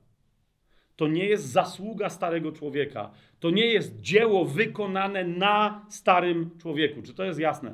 Nie? Nowy człowiek to nie jest poprawka, to nie jest tuning, to nie jest, e, rozumiesz, to nie jest e, nowa karoseria założona na stary, e, albo nie wiem, e, na, na, na, na, stare bebechy, albo nowe bebechy pod starą karoserią. Rozumiesz? To nie jest mieszaniec. Okay? Po pierwsze, to jest kompletne dzieło Boże, i po drugie, to jest kompletnie nowe dzieło Boże, które nie ma niczego wspólnego ze starym człowiekiem. Do tego stopnia, że stary człowiek przez ten nowy akt w tym wszystkim, co sobą reprezentuje, jest skazany na anihilację, na nic innego. Jeżeli ty e, przez wiarę przejmujesz łaskę usprawiedliwienia, to możesz z całą pewnością stwierdzić, że nic z ciebie starego nie pozostanie na przyszłość. Ostatecznie. Ok? Stary człowiek, który pozostanie starym człowiekiem, jeżeli tak wybierze, będzie żyć wiecznie, ale w samotności swojej starości, w cierpieniu e, starego, nieodkupionego ciała, którego sobie ktoś nie pozwolił odkupić w piekle. Ok? Ale nowy człowiek nie będzie mieć nawet pamięci o tym, czym było stare. Czy to jest jasne? Dziś ten brak pamięci reprezentuje Bóg, na przykład w odniesieniu do grzechów. On mówi, ich grzechów więcej nie wspomnę. Dlaczego? Bo, nie, bo oni nie mieli grzechów żadnych. O tym za chwilę. Nowy człowiek, mam całą aż podkreśloną tą notatkę, to nie jest, to jest nowe dzieło samego Boga, które to dzieło nie ma niczego wspólnego ze starym człowiekiem. I kochani, następna bardzo istotna prawda, którą teraz chcę e, podkreślić. Otóż nowy człowiek, jeżeli jesteś osobą usprawiedliwioną, posłuchaj tego. Będę teraz tę myśl rozwijać e, przez, e, przez, nie, przez jakąś chwilę. Czy, czy, rozumiesz, czy to jest prawda w Twoim życiu? Czy to jest prawda ożywcza w Twoim życiu? Czy to jest prawda, rozumiesz, która w obliczu e, przeciwności, nieporozumień, kryzysów, e, bólu, cierpienia, czegokolwiek negatywnego w Twoim życiu, czy daje Ci poczucie pokoju i pewności siebie w postępowaniu? Otóż nowy człowiek jest duchowo, zaraz wyjaśnimy sobie całą resztę dlaczego, ale duchowo jest już kompletnym synem Bożym na wzór jednorodzonego syna Bożego Jezusa Chrystusa. Ty Siostro, ty, bracie, jesteś kompletnym synem Bożym. Na wzór Jezusa Chrystusa. Wszystko to, co reprezentował sobą Chrystus, ty już reprezentujesz. Teraz powiesz, zaraz jak? Jeszcze raz, zanim zaczniesz się kłócić ze mną, e, słuchając tego, co ja mówię, ze sobą, z, z Biblią itd., tak itd., tak stawiam taką tezę. Jeżeli ona jest nieprawdziwa, to cię niczym nie przejmuj, ale jeżeli ona jest prawdziwa, to zauważ, jak wiele aspektów Twojego życia musi być skonfrontowanych. Rozumiesz? Teza ta, co ona oznacza, że od momentu nowonarodzenia nie różnisz się niczym. Oczywiście jesteś kobietą, jesteś mężczyzną, jesteś Polakiem, a nie Żydem i tak dalej, i tak ale rozumiesz w sensie natury i sposobu funkcjonowania. Uważaj na to. Nie znajdujesz się pod żadnym względem w gorszej sytuacji od Jezusa, kiedy się pojawił na ziemi i chodził w takim samym ciele jak ty. Jeszcze raz mam powtórzyć? Nie znajdujesz się pod żadnym względem w gorszej sytuacji. Znajdujesz się w dokładnie takiej samej sytuacji jak Chrystus. Spójrz, Chrystus pojawił się w takim samym ciele jak ty. W ciele, które było ciałem grzesznym, dlatego musiało zginąć, ale którym w którym on nigdy nie zgrzeszył i chociaż ono go nakłaniało i pozwalało się kusić diabłu, zauważ, on nigdy temu kuszeniu nie uległ. To było ciało, w którym żył tak jak żył i umarł tak jak umarł. Rozumiesz? Cały czas pełniąc wolę Ojca, widząc duchowo, patrz, patrzył na innych ludzi, dokonując cudów, ale przede wszystkim, co jest najistotniejsze, widząc cały czas Ojca. Mówi, ja nigdy nic nie robię, czego bym nie widział, że ojciec robi. Robię tylko to, co widzę, że ojciec robi. Widzisz to? A więc to nie jest tylko, rozumiesz, kwestia, że on od strony negatywnej nigdy nie zgrzeszył, ale od pozytywnej strony zawsze robił dokładnie to, co ojciec w danym momencie chciał, żeby on robił.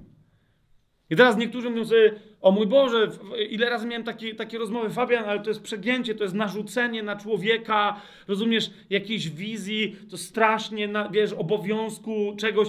To jest nadal, kto tak mówi, kto tak myśli, kto się tak boi. Tylko i wyłącznie twoje ciało Zauważ, bo to jest stara koncepcja świętości w kościele rzymskokatolickim, czy w każdej innej religii. Człowiek doskonały to jest taki, który nigdy nie grzeszy. Inna rzecz, że tam to jest zawsze, że nigdy nie grzeszy, a nie, że za, zawsze pełni wolę Bożą. Nawet święci w kościele katolickim, zauważ, trzeba tylko udowodnić, że przez ileś lat przed śmiercią ponoć nigdy nie grzeszyli. No nie? E, ale nie, jak udowodnisz, że zawsze wypełniali wolę Bożą, czyli robili dokładnie to, co Bóg, no to już to, któż to może wiedzieć. Tymczasem zauważ, moja teza jest jeszcze bardziej drastyczna. Jeden, jedyny taki to był Chrystus. Ale jeżeli ty masz w sobie dzisiaj jego pełną naturę, co to oznacza? Że możesz żyć dokładnie w taki sposób, żeby rozumiesz z sekundy na sekundę, nie robić nic innego, tylko wolę Bożą. I teraz uważaj na to z absolutną łatwością, bez żadnego wysiłku z twojej strony. Jeżeli jeżeli miałby to być, miałoby to być osiągnięcie Twojego wysiłku, to już nie będzie Twoja natura. Czy to jest jasne? Po prostu. Będziesz próbować udawać kogoś, kim nie jesteś, a ja ci mówię, że jesteś. No to teraz sobie myślisz, no to fajnie, że jestem, jak nie jestem. Co ty gadasz, Fabian? No, I tu się niektórzy śmieją, ci zaczęli pić yy, z, z. Dobrze, że, że wodę nie... Chociaż ja wiem, co wy tam pijecie. Dobre reakcje. Dobre reakcje. Wielu chrześcijan myślę, że powinno sobie czasem... Ja wiem, że teraz przesadzę, Powinno sobie siąść z flaszką naprawdę i się trochę napić, by okej, dobra, e, żeby się poddać, rozumiesz, żeby wreszcie przestać, nie chodzi mi o, żeby przestać być religijnymi, tylko żeby wreszcie pokazać sobie, że dosyć moich wysiłków, żeby udawać, że nie jestem tym, kim jestem. Kapujesz, ja nie mówię ci tego po to, żeby zacząć znowu jeszcze bardziej z większym wysiłkiem. Nie, tu nie chodzi o to, żeby przeczyć temu, kim jesteś. Chodzi o to, aby przyjąć to, kim jesteś naprawdę. A wtedy jeżeli ty naprawdę jesteś synem Bożym, zaczniesz żyć jak Boży syn. Zmaganie nasze w naszym chrześcijańskim życiu jest często nie zmaganiem się, żeby być jak Boży syn, ale jest zmaganiem się z Bożym synem, który chce, żebyśmy robili co innego, a my myślimy, że mamy coś tam, rozumiecie, coś robić. Boże, wiesz, teraz począwszy od takich oczywistych rzeczy, ale rozumiesz, pamiętam, ktoś mówi Fabian, ale no wiesz, Boży Syn, to co, co to znaczy? Ja mówię, no, na przykład Boży Syn nigdy nie chodził do kościoła, nie? Tak. I od razu to było, ej, ale bo nie było kościołów, ale jakby były, to by chodziły. Widzisz, o co mi chodzi? I teraz chodził do synagog, no to chodził, ale po co? I potem go wyzaczali z tych synagog, albo go chcieli kamienować, że z siebie robił Syna Bożego, tak? No to idź teraz na normalne nabożeństwo. Rozumiesz, jak tam są chorzy ludzie, pouzdrawiaj wszystkich, niech cię wywalą. Na przykład u świadków Jehowy. Albo nawet niekoniecznie, no, rozumiesz, nie, w kościele zielonoświątkowym. No nie, niech teraz... Wiesz o co mi chodzi? Co by zrobił Jezus, gdyby tak jak ty poszedł do kościoła? Siedziałby tam tak jak ty? Dałby na składkę to, to co ty? Dawałby w ogóle na składkę? A może by wziął koszek i uciekł? A potem by wrócił i powiedział, ha, ale było fajnie, a teraz rozumiem. A może by rozmnożył im te pieniądze, rozumiecie? Zamiast dawać uciułane 10 zł, może by im rozmnożył te pieniądze, ci zbierali 30 osób na nabożeństwie, zebrali 300 zł, po czym się okazało, liczyli, ale jak trzeba było przekazać na fundację, nagle się okazało, że jest 300 tysięcy. Rozumiesz? I wtedy co by się dalej stało? Może trzeba później ich przepilnować, jak się pieniądze rozmnożą, żeby wszystkie przekazali, a nie no, zebrali my 300 zł, cała reszta, różnica 29 tysięcy Yy, nie, 209. No nieważne, rozumiecie o co mi idzie? Patrz, co się dzieje. My uda- mamy język religijny, w którym mówimy Syn Boży, Syn Boży, Syn Boży, ale potem jak się pytasz, co by, rozumiesz? Jak Syn Boży pielęgnuje brodę? A jak ty, jeżeli jesteś kobietą, dlaczego cię to ma interesować? Co by, rozumiesz, gdyby Syn Boży był kobietą, to jakby się zachowywał jako kobieta? Dbałby o włosy, czy by nie dbał? Rozumiesz, miałby biżuterię, czy by nie miał? Co... I teraz większość facetów, ponieważ głównie są głosicielami religii, no to tam mają swoje. Ale dlaczego ty masz gadać? Jezus, kiedy spotkał Szawła na drodze do Damaszku, jest wyraźnie powiedziane, że Szaweł prześladował mężczyzn i kobiety, tak? Naśladowców, wyznawców tej drogi, uczniów Chrystusa. I co mu powiedział? Dlaczego mnie prześladujesz? Szaweł mu powiedział, ja cię nie znam, a on mu jeszcze raz powiedział, dlaczego mnie prześladujesz. Jeżeli było powiedziane, że on prześladował mężczyzn i kobiety, jeszcze zwróćcie uwagę. W Biblii normalnie nie ma, jest lud Boży, są uczniowie Chrystusa i tak dalej. A w tym miejscu Łukasz, żeby nie było, wyraźnie powiedział mężczyzn i kobiety. Kobiety też były przez Szawła prześladowane. I Chrystus powiedział, mając na myśli również kobiety, dlaczego mnie prześladujesz. To znaczy, że się utożsam, rozumiesz? Pamiętacie, co ja ostatnio mówiłem, jak mnie to poruszyło w przygotowaniach do, do poprzedniego studium, mnie samego, tam komentarz jednego, jednego brata. Chrystus nie przyszedł na świat, żeby być dla mnie przykładem, powiedział ten brat. Powiedział, Chrystus przyszedł na świat, aby być przykładem mnie. Zastanawiałem się nad tym chwilę, powiedziałem to ostatnio, teraz jeszcze raz to powtarzam. Rozumiesz, Chrystus nie przyszedł na świat, aby być dla ciebie przykładem. Chrystus przyszedł na świat, aby być ciebie przykładem. Czyli krótko mówiąc, teraz rozumiesz, twoje życie ma, odbi- ma, ma być dosłownie nadal życiem Syna Bożego, rozumiesz, który, odpowiedz sobie po prostu na, na, na takie pytanie. Gdybym to ja była, czy był wcielonym teraz Słowem Bożym Chrystusem, to, to, to jakim mną, Marcinem, Anią, Januszem, tak, Chrystus chciałby być teraz w XXI wieku w Polsce? I teraz jak sobie powiesz, no chciałby być, rozumiesz, sens w tym, że on to nie jest, to nie jest ćwiczenie teoretyczne, mentalne, bo on chce tobą być. Już nie ja żyję, ale żyje we mnie Chrystus. To nie jest, to nie, to nie jest poezja biblijna. To jest fakt ontologiczny, odnoszący się do tego, kim ja jestem, do mojego bytu rzeczywistego. Już nie ja żyję, ale żyje we mnie Chrystus. Nowe imię, które otrzymasz na małym białym kamieniu, czyje to jest nowe imię? To jest Jego nowe imię. Rozumiesz, ale które ty Chrystus ma tyle imion w tym świecie, ilu ma y, uczniów i uczennic, którzy chcą objawiać Jego nowe imię światu. I w każdym, i w każdej z nas objawia się Jego inne nowe imię dla świata. Czy to jest jasne? To jest nowe stworzenie w tobie. Rozumiesz? Y, y, jeden polski reżyser okej, okay, nie będę go komentować, chociaż w sumie to jego filmy dosyć lubiłem, ale zrobił taki dość kontrowersyjny film o alkoholikach, który się nazywa Wszyscy jesteśmy Chrystusami. W tym filmie chodziło o to, że wszyscy jesteśmy ofiarami, zupełnie nieważne. E, więc nie o to, zaczerp, zaczerpnę teraz ten tytuł, żeby wyrazić coś innego. My wszyscy w chrześcijaństwie powinniśmy, rozumiecie, sobie w kółko powtarzać, ale nie w sensie, że wszyscy jesteśmy ofiarami, tylko w sensie nowego stworzenia, wszyscy jesteśmy Chrystusami. Rozumiesz? Ty nosisz w sobie naturę. I teraz to nie jest żaden New Age, żeby teraz nie było, bo to nie, nie w sensie, że ja jestem Bogiem, uświadom to sobie, ty też jesteś Bogiem. Nie jest kaliber 44, to było paktofonika. Nie! Masz w sobie kompletną naturę Syna Bożego. I teraz, jeżeli kto, zrozumiecie, nakrzyczałem się, nakrzyczałem, napodniecałem się i oczywiście możesz zapytać, yy, tak, a gdzie jest Słowo Boże, które, yy, które o tym mówi? No to jak nie, nie potrafisz mi dwóch czy trzech wersetów na temat naszego bycia synami, rozumiesz, wyczepać z rękawa, a znasz całą Biblię, to się zastanów, czy znasz Biblię.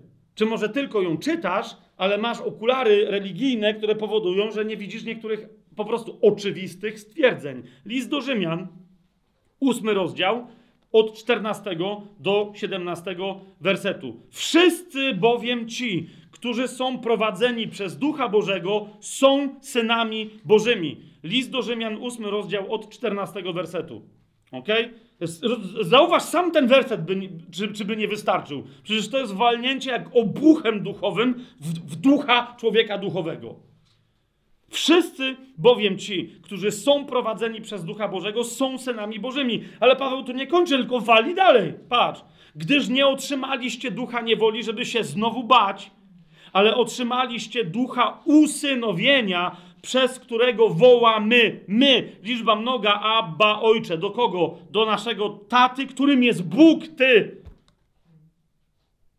Ten to duch, Duch Święty, Jego duch, poświadcza naszemu duchowi. Rozumiesz? To jest mowa tylko i wyłącznie o osobach, które mają nowe serce i nowego ducha, do nowych stworzeń, do nowych ludzi tu jest mowa. Ten duch, Duch Święty, poświadcza naszemu duchowi, że jesteśmy dziećmi Bożymi a jeżeli dziećmi, to i dziedzicami. Teraz rozumiesz, znowu, no ładna poezja. Nie, rozumiesz, Paweł, zauważ, powtarzam, dziedzicami. Czyimi? Dziedzicami Boga. Ty rozumie, rozumiesz to?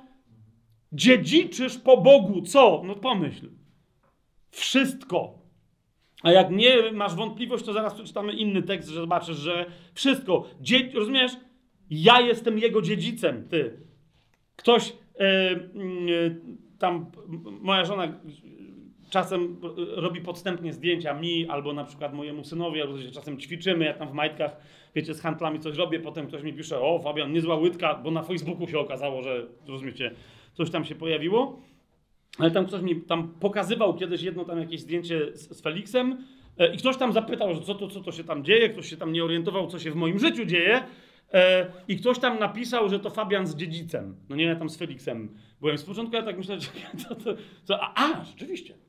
Nie miał, no rozumiesz, wszystko zostaje dla niego. No jak będę miał więcej dzieci, ale na razie to jest jedyny dziedzic. Rozumiesz? Ja wiem, że ty możesz mieć, ja mogę mieć, każdy z nas może mieć problem ze swoim e, ojcem, że wiecie, albo niektórzy z nas byli wydziedziczeni, albo zostawieni, albo co ten nasz ojciec miał, albo. Ale jeszcze raz, ja jestem dziedzicem Ojca Niebieskiego, ty. Ty jesteś dziedzicem Ojca Niebieskiego, jesteś dziedziczką Ojca Niebieskiego. O, obczajasz, a się zastanawiasz, rozumiesz, co ZUS od ciebie chce? Czy rozumiesz, że nagle to cię przytłacza? No akurat popatrzyłem, no, ale to akurat ciebie nie przytłoczyło. Nie, nie zmienia to jednak. Wiesz o co mi chodzi? To czy tamto i nagle o, zawroty głowy, ty, wpadłem w depresję. Dziedzic? A jeżeli dziećmi, to i dziedzicami, dziedzicami Boga, patrz, współdziedzicami Chrystusa, ty. Wszystko to, co Chrystus ma od Ojca, ty też masz. Wszystko to, do czego Chrystus ma prawo, ty również masz do tego prawo. Tak jak Chrystus miał do tego prawo, nawet kiedy przyszedł na świat jako bezbronne dzieciątko i funkcjonował w ciele w takim samym, jak ty teraz funkcjonujesz. Ty jesteś teraz takim samym dziedzicem, jakim on był na ziemi, zanim umarł na krzyżu. Rozumiesz to? Czy nie? I nie chodzi mi teraz, czy tego nie rozumiesz, czy też myślisz, że tak nie jest. To jak teraz, to na, na masę rzeczy w swoim życiu, na masę, masę sytuacji, z podejścia twojego do rozmaitych kwestii. List do Galacjan, czwarty rozdział. Nie będę dalej tu kontynuować, bo tu są szaleństwa i ja bym, ja bym tu mógł troszeczkę być uznany za szaleńca. Chociaż jak Paweł powiedział, możecie uznać, że zwariowałem, ale... List do Galacjan, czwarty rozdział. A propos tego, czy jesteśmy synami. To samo, czwarty rozdział od, od czwartego wersetu, niech będzie.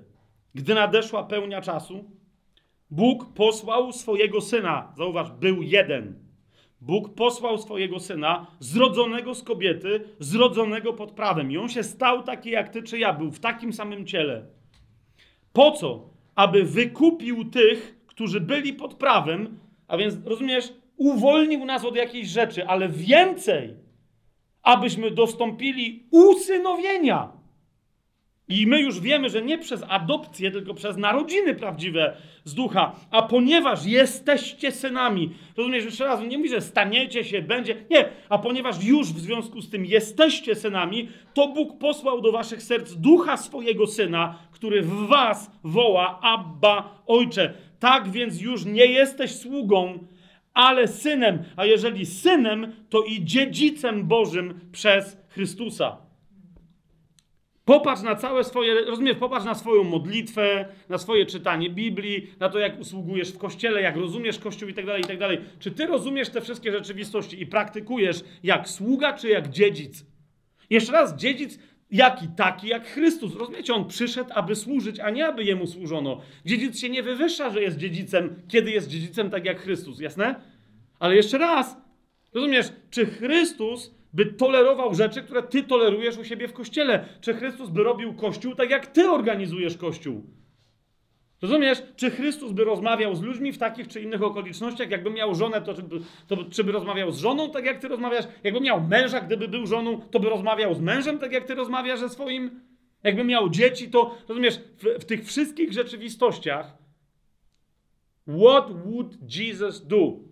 Były kiedyś te takie modne, teraz widzę, że ta moda wraca wśród chrześcijan, te takie opaski takie na rękę. Co by zrobił Jezus? Ale jeszcze raz, rozumiesz, jest, wiele osób ma tę opaskę na ręce i potem robią głupoty i mówią, no bo ja się zastanawiam, co by zrobił Jezus. Pytanie brzmi, rozumiesz, w jakiego Jezusa ty wierzysz? Jak, jaki Jezus?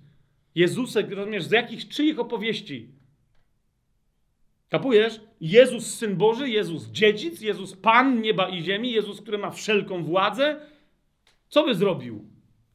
Czy, ty, czy, czy Jezus, który, rozumiesz, o którym ci opowiedzieli w taki czy inny e, sposób, tak mniej czy bardziej religijni ludzie, którzy, rozumiesz, opowiedzieli ci o Jezusie po co? Po to, żeby w tobie wywołać poczucie winy, kiedy nie zachowujesz się tak, jak oni chcą, żebyś się zachowywała czy zachowywał w kościele. Kapujesz? Inna rzecz, że nie, nie chodzi, rozumiesz, po co my często głosimy Jezusa? Dokładnie po to na przykład, żeby siebie usprawiedliwić. Jezus na pewno jest taki czy inny. Dlaczego? No bo ja tak robię w życiu i nie chcę tego zmieniać. Jezus by na pewno, e, ostatnio jeden z naszych braci, myśmy go pochwalili, że występował, walczy w MMA, klatka, rozumiecie te wszystkie rzeczy. Czy by Jezus w ogóle, wie, już nie czy by Jezus wystąpił w klatce, ale czy by Jezus poszedł na zawody, a to nie są zawody sportowe, to jest jakieś nielegalne czy coś? Ale oni się tam biją po mordach. No to czemu Paweł w takim razie, Duch Święty, rozumiesz, nakłonił Pawła, żeby on za przykład dawał żołnierzy, także rolników, maratończyków, ale także okładających się po mordach zawodników starożytnego MMA, czyli Pankracjona. Czemu, kiedy chwali Epafrasa, to mówi, że on walczy jak porządny zawodnik MMA? Dlaczego? No więc, no więc Jezus by chodził, czy by nie chodził na zawody? Rozumiesz, o co mi chodzi? Sportowe, takiego czy innego rodzaju. Na pewno by nie, dlatego że tobie to estetycznie nie pasuje. Nie każdy musi lubić, lubić, rozumiecie, pranie się po mordach. Ale to nie od razu znaczy, że jak ty czegoś nie lubisz, to znaczy, że Jezus jest tylko taki jak ty w swojej ograniczonej estetyce. Po prostu. Pewnym chrześcijanie, rozumiecie, się darli pe, pe, pewnych określonych nurtów, że rock and roll to jest muzyka szatańska. 15 czy 20 lat później okazało się, że metal to jest muzyka szatańska, a rock'n'rolla grały, grały już wszystkie uwielbieniowe zespoły na świecie. Potem, jak się nawrócili metalowcy oni nagle stwierdzili, ale co za problem, żeby grać metal, to się okazało, że techno jest nagle szatanistyczne, a metal w sumie to jest tylko pytanie, czy jest z pentagramem, czy z krzyżem i wtedy to... No, wiesz, o co mi idzie? I, to, i za każdym razem to było wyjaśnienie, czy by Jezus, e, akurat z metalowcami, to pamiętam, że kiedyś była bo jakaś tam babcia, czy by Jezus tak się zachowywał? A taki chłop z długimi włosami mówi, no, no tak. No bo jakby, nie? To właśnie nie wiem, czemu chłopy długi, jeżeli mamy być jak Jezus, to trzeba mieć długie włosy, a nie dlaczego krótkie. No bo w Biblii no, wstydem dla mężczyzny jest, jest, i to jest cały czas, rozumiesz, dyskusja nie o naturze Syna Bożego, tylko o sztampie, rozumiesz, o froncie, o zewnętrznych przejawach czegoś, które po prostu wynikają z, z religijności, a nie z poznania Syna Bożego nie jesteś tu. List do Efezjan yy, i, i, skończymy, nie będę dalej tego kontynuować, bo to jest oczywisty temat. Ale jeszcze raz zauważ, ile, jak cię tak zapytać, ile w Biblii jest tekstów o tym, że jesteśmy synami? Ile znasz? Tak po prostu wyrwana czy wyrwany o trzeciej yy, rano z łóżka. Bo rozumiesz, diabeł często cię w życiu tak wyrywa. I ci mówi, e, ale wiesz, Jezus to, to, to, jeszcze raz, jesteś synem czy nie, takim jak Jezus? Jeszcze raz, zauważ, jak czytanie Ewangelii staje, staje się fascynujące, bo ty tam czytasz historię o sobie. Rozumiesz, co by Jezus zrobił? No ale skąd ty możesz wiedzieć, jak nie znasz historii o Jezusie? Czy Jezus by się gniewał? A Marek mówi, Jezus z gniewem popatrzył na nich i do chłopa, który miał uschłą rękę, powiedział, podnieś ją. I patrzył na nich i mówi, no i co mi teraz zrobicie? Bo ja go uzdrowiłem. No to zrobiłby tak, czy by nie zrobił? Rozumiesz, upluć se bicz, wparował, porozwalał ludziom biznesy. Pieniądze się pomieszały, krowy nie wiadomo były czyje, niepoznakowane w świątyni. I on powiedział, nikt się nie ruszy, dopóki nie skończę gadać. Jakie chamstwo. Jezus do syrofenicjanki powiedział, nie jest dobrze dawać chleb, brać chleb dzieciom i rzucać psom. Nazwał kobietę biedną, której dziewczynka, której córka była chora, nazwał ją psem?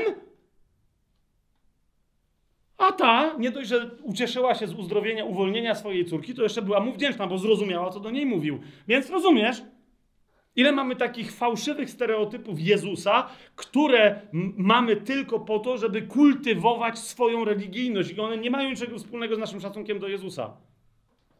Czy by Jezus poszedł na paradę gejów? Człowieku, według mnie to dokładnie tam by należy. Rozumiesz? Jest Jezus w mieście.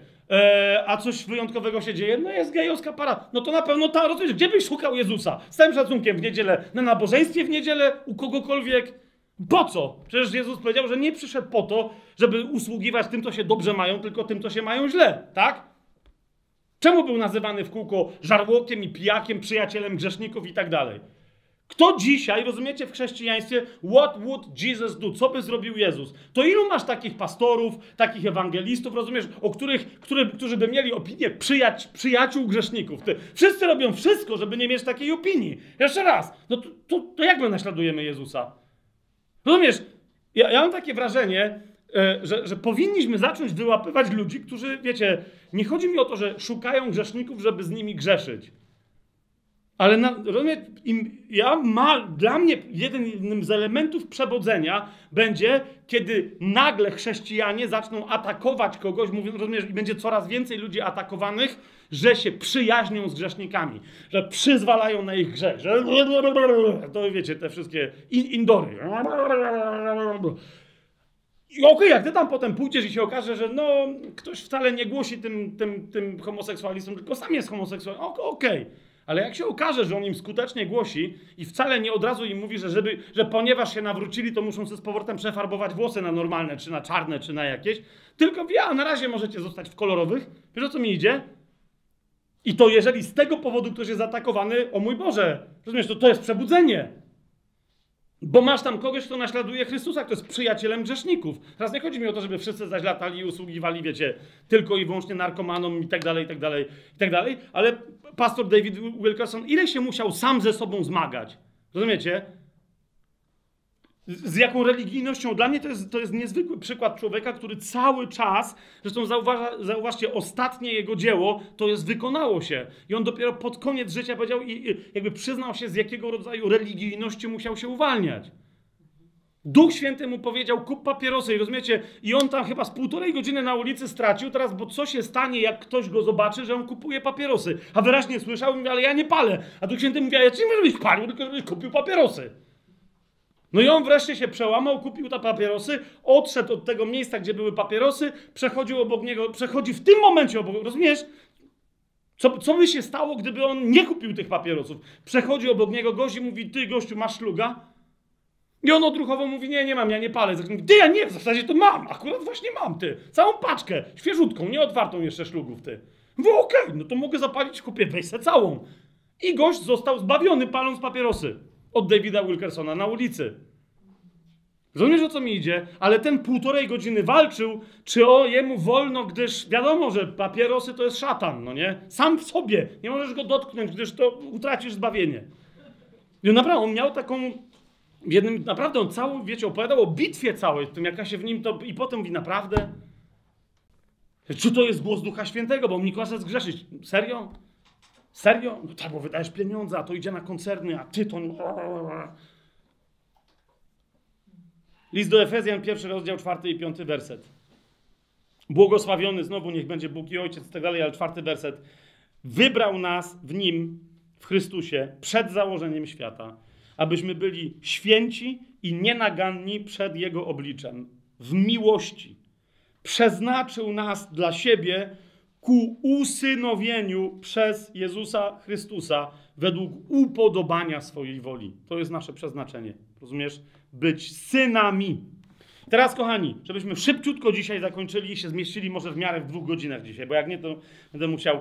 Nawet nie będę rozwijać em, całej, e, całej tej historii, ale rozumiesz, kim jest syn Boży? Ty, jeżeli my jesteśmy nowym stworzeniem, nowym stworzeniem jest nowy człowiek, a nowy człowiek jest duchowo kompletnym synem Bożym, to rozumiesz, że ty masz całą masę e, cech charakterystycznych. Jakich? Na przykład takich, że nie masz żadnej historii grzechu. Nigdy nie zgrzeszyłaś, nigdy nie zgrzeszyłeś, nigdy nie grzeszysz i nigdy nie zgrzeszysz. Kasia teraz. What? Bardzo, do, bardzo dobra reakcja. Jeszcze raz, naprawdę mówisz o mnie, mówisz o mnie, tak. Żebym ja ci powiedział, co ja wczoraj zrobiłem. Nic nie zrobiłem. Ja jestem synem Bożym. Nie grzeszyłem, nie grzeszę i nie będę grzeszyć. Ja teraz taka ci szansa. Okej, okay, dobra, kupienie papierosów to jest jedno, ale jakby bez przesady. Be jeszcze raz. Zauważ, co się dzieje. Nie, nigdy w życiu nie osiągniesz zwycięstwa nad grzechem, jeżeli nie zrozumiesz, jaka jest Twoja natura. Rozumiesz? Patrz, myśmy podczas spotkania zerowego ja powiedziałem, i to było nieco podstępne, z góry się przyznaję. Niemniej y, ja wtedy już powiedziałem, że to jest nieco podstępne. No nie? Mianowicie powiedziałem, że nie masz potrzeby rozważać, czym jest ukończone dzieło krzyża, szukać ukończonego dzieła krzyża w swoim życiu, jeżeli doświadczasz w swoim życiu zwycięstwa nad grzechem, zwycięstwa nad szatanem, zwycięstwa nad śmiercią, więcej niż zwycięstwa wolności od strachu i cierpienia, obfitości życia, pełni radości, trwałego pokoju i w ogóle wszystkiego, co dobre. Osiem punktów, pamiętacie to? Ale podstępnie zaznaczyłem, no bo jak jest zwycięstwo, to jest też i walka. Nie? Jeżeli doświadczasz zwycięstwa nad grzechem, no to znaczy, nie? I wiele osób, okej, będzie Fabian będzie mówił o tym, jak walczyć z grzechem. Teraz rozumiesz, na czym polega problem większości ludzi? Właśnie na tym, że walczą z grzechem. Z jakim grzechem walczył Chrystus w swoim życiu? Powiedz, jeżeli ty jesteś synem Bożym, kompletnie duchowo, to z jakim grzechem ty walczysz? Patrz, o nim jest powiedziane, że się jeszcze raz odwołam do tej prawdy, to jest pierwszy do Tymoteusza, yy, trzeci rozdział, także się jeszcze raz do tej prawdy yy, odwołam. O nim jest powiedziane, yy, pierwszy do Tymoteusza, trzeci rozdział, szesnasty werset. Bez wątpienia wielka jest tajemnica pobożności. Jaka ona jest? Nie będę teraz całej rozważał, ale Bóg objawiony został w ciele. Nie? I teraz popatrzcie, e, bo tu niektórzy dostają e, krwotoku mentalnego. Nie? Bóg objawiony został w ciele. Kto to jest? Chrystus. Nie? I patrz, jakie jest drugie zdanie. Usprawiedliwiony został w duchu.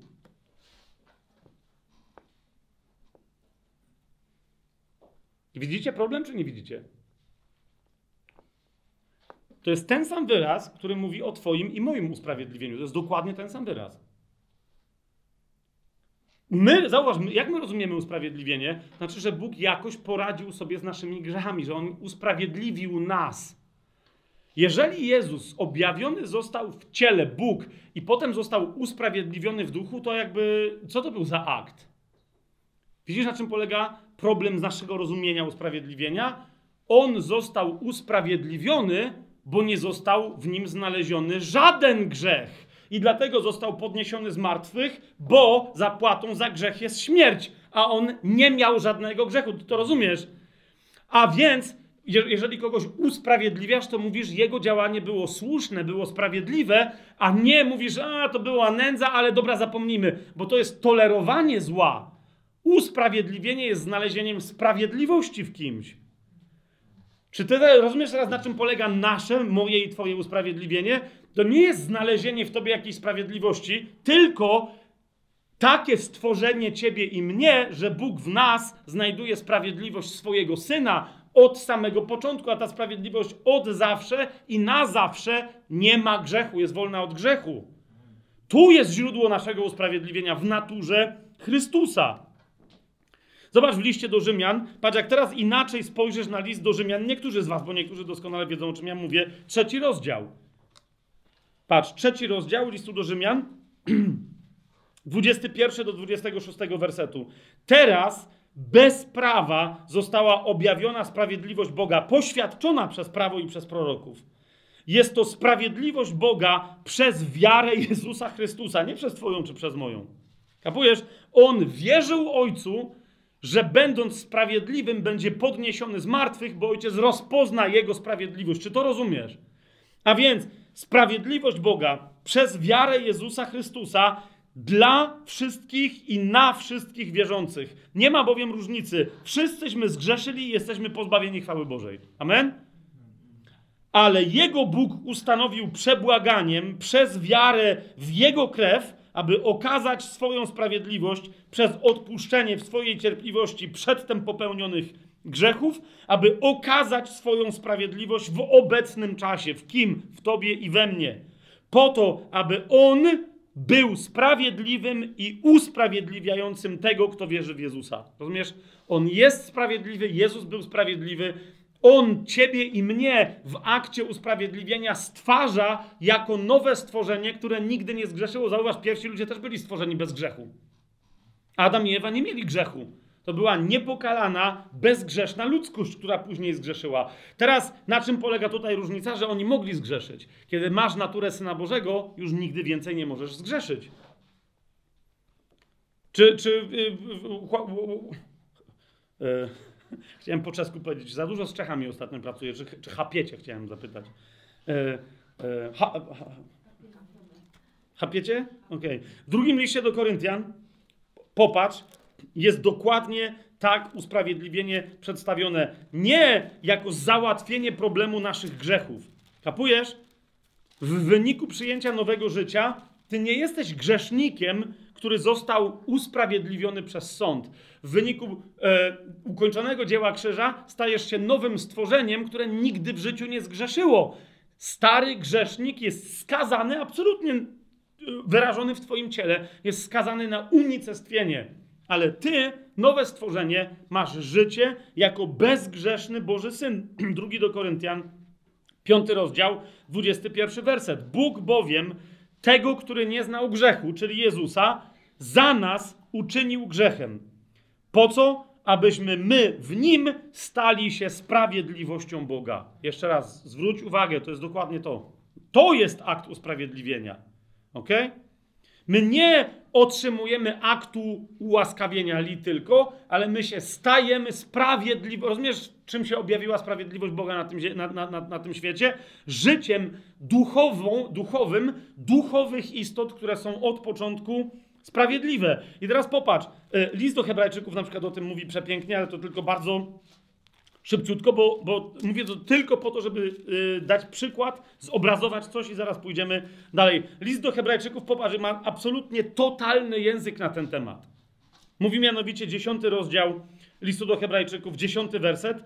Tam, że, że Jezus spełnił wolę Ojca i tak dalej. Za sprawą tej woli jesteśmy uświęceni przez ofiarę ciała Jezusa Chrystusa raz na zawsze. Oczywiście niektórzy w teologii zaczęli problem, ale jesteśmy uświęceni, ale znajdujemy się w procesie, no nie? Czyli w zasadzie nadal nie jesteśmy uświęceni, ale zmierzamy do uświęcenia i koniec końców, jak umrzemy i pójdziemy do nieba i tak dalej, i tak dalej. Serio? Bo od 12 wersetu czytamy, ten, czyli Chrystus, gdy złożył jedną ofiarę za grzechy na zawsze, jedną na zawsze, zasiadł po prawicy Boga, oczekując odtąd, aż jego nieprzyjaciele będą położeni jako podnóżek pod jego stopy. Jedną bowiem ofiarą, uważaj, już uczynił doskonałymi na zawsze tych, którzy już są uświęceni. Więc nie tylko my jesteśmy uświęceni, ale jesteśmy uczynieni doskonałymi w tym uświęceniu. Obczajasz to? Teraz ja wiem, że ty mówisz, no ale ja tego nie doświadczam, jakby Fabian, to jest wszystko. Czy to może być prawda, skoro ja mam inne doświadczenie? Najpierw poznaj prawdę biblijną, a potem zobaczysz, skąd się bierze Twoje doświadczenie. Ale rozumiesz, taka jest prawda. Dlatego, zauważ, dokładnie to, 15 werset, poświadcza nam także Duch Święty. Bo powiedziawszy najpierw, takie jest przymierze, które zawrę z nimi po tych dniach, mówi Pan, włożę moje prawa w ich serca i wypiszę je na umysłach. Ok? To jakie jest poświadczenie, że jesteśmy doskonali w uświęceniu? Nie, bo tu mówi, że poświadcza nam to Duch Święty. Jak? Gdyż potem dodaje, a ich grzechów i nieprawości nigdy więcej nie wspomnę. Żadnych, ani przeszłych, ani przyszłych. Dzisiaj.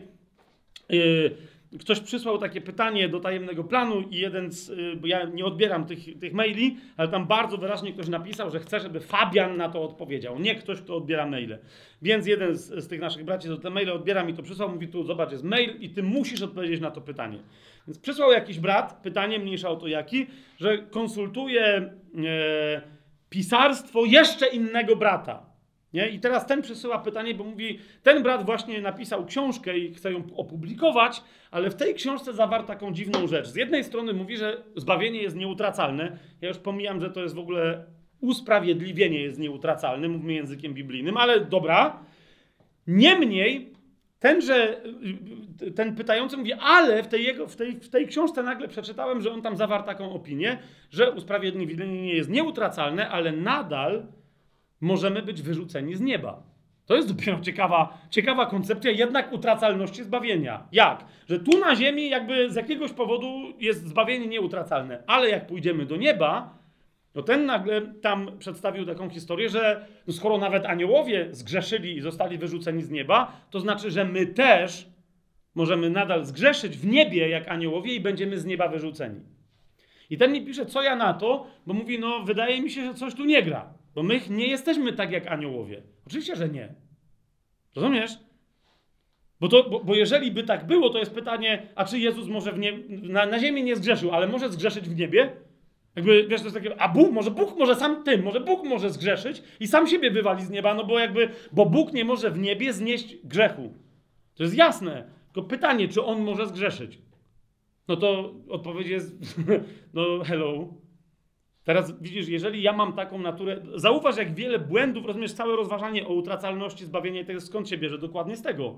Z niezrozumienia, że zbawienie jest wynikiem nowego e, stworzenia, a podstawą jego jest moja nowa natura. Ja mogę, na, mo, mogę robić wszystko, żeby według niej nie żyć. Czy to jest jasne, co, co mówię? Ale ona mi nie pozwala grzeszyć. Jeżeli się grzech pojawia w moim życiu, to on się bierze z czegoś innego, ale tym grzechem nie jest obarczona nowa natura. Nigdy.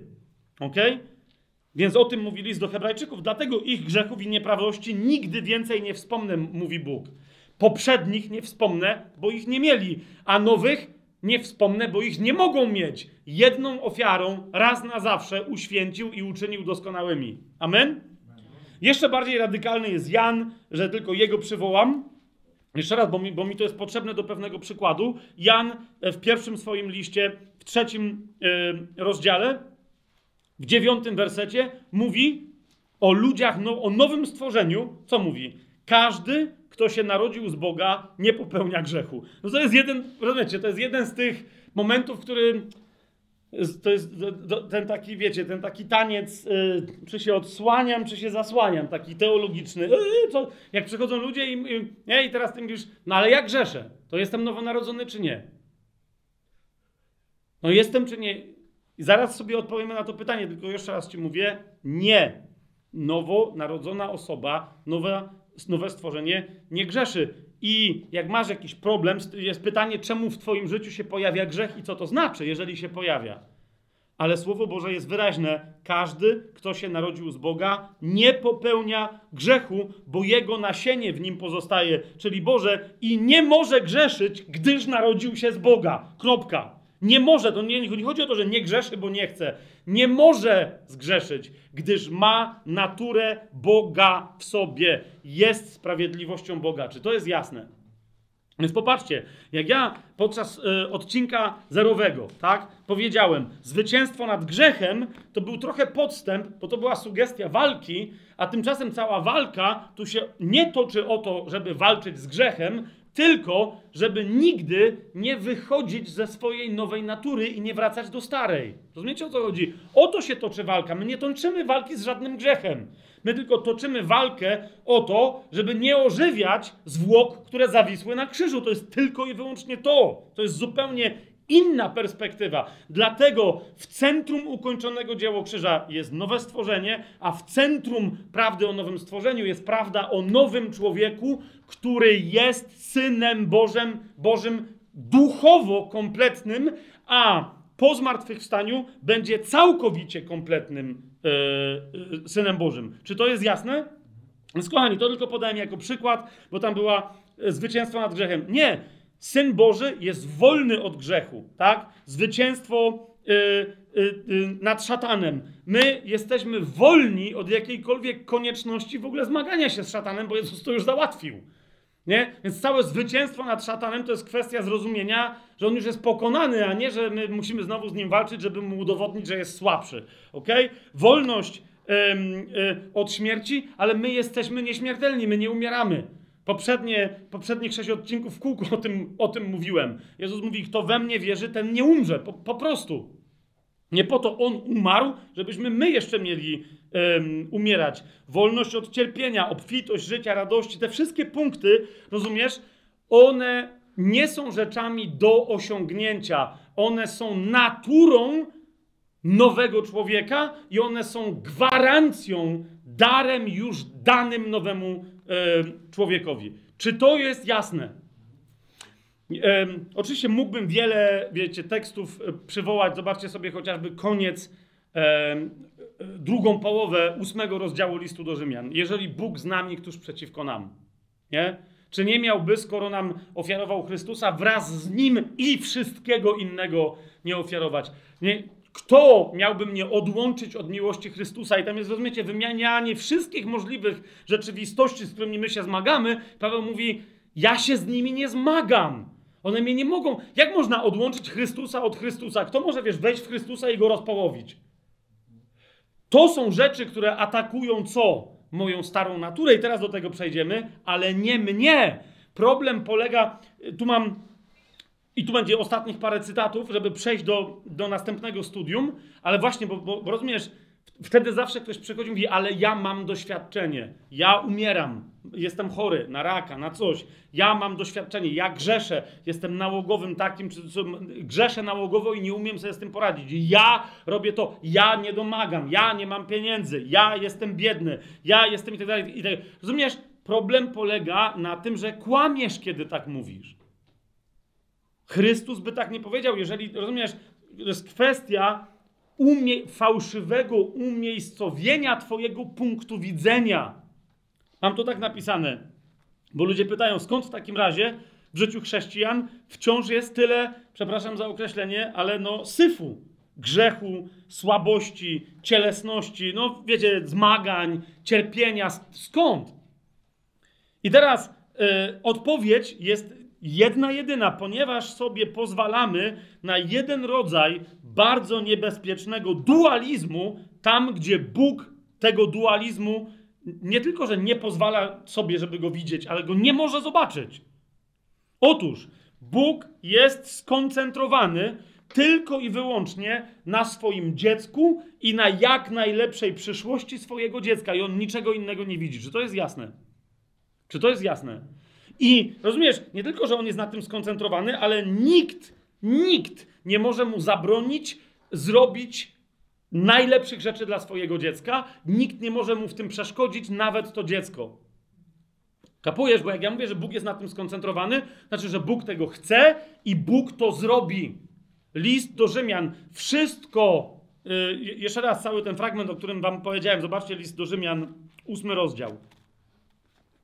Patrz, patrz na to, list do Rzymian, ósmy rozdział, 28 werset. Wiemy, że wszystko współdziała dla dobra tych, którzy miłują Boga. To jest tych, którzy są powołani według postanowienia Boga. To jest nowe stworzenie. Jeżeli jesteś taką osobą, to wszystko będzie współdziałać. Rozumiesz, co, jeżeli ty tylko odpowiadasz miłością na miłość, to wszystko będzie współdziałać dla Twojego dobra. Bo Bóg, rozumiesz, on nie, on nie chce niczego złego dla swojego syna. Dla pierworodnego na niego spadło, rozumiesz, to wszystko, co spadło, właśnie po to, żeby na ciebie i na mnie już nigdy nie miało prawa nie tylko, że spaść, ale się nawet do nas zbliżyć. Rozumiesz, to jest ukończone dzieło krzyża.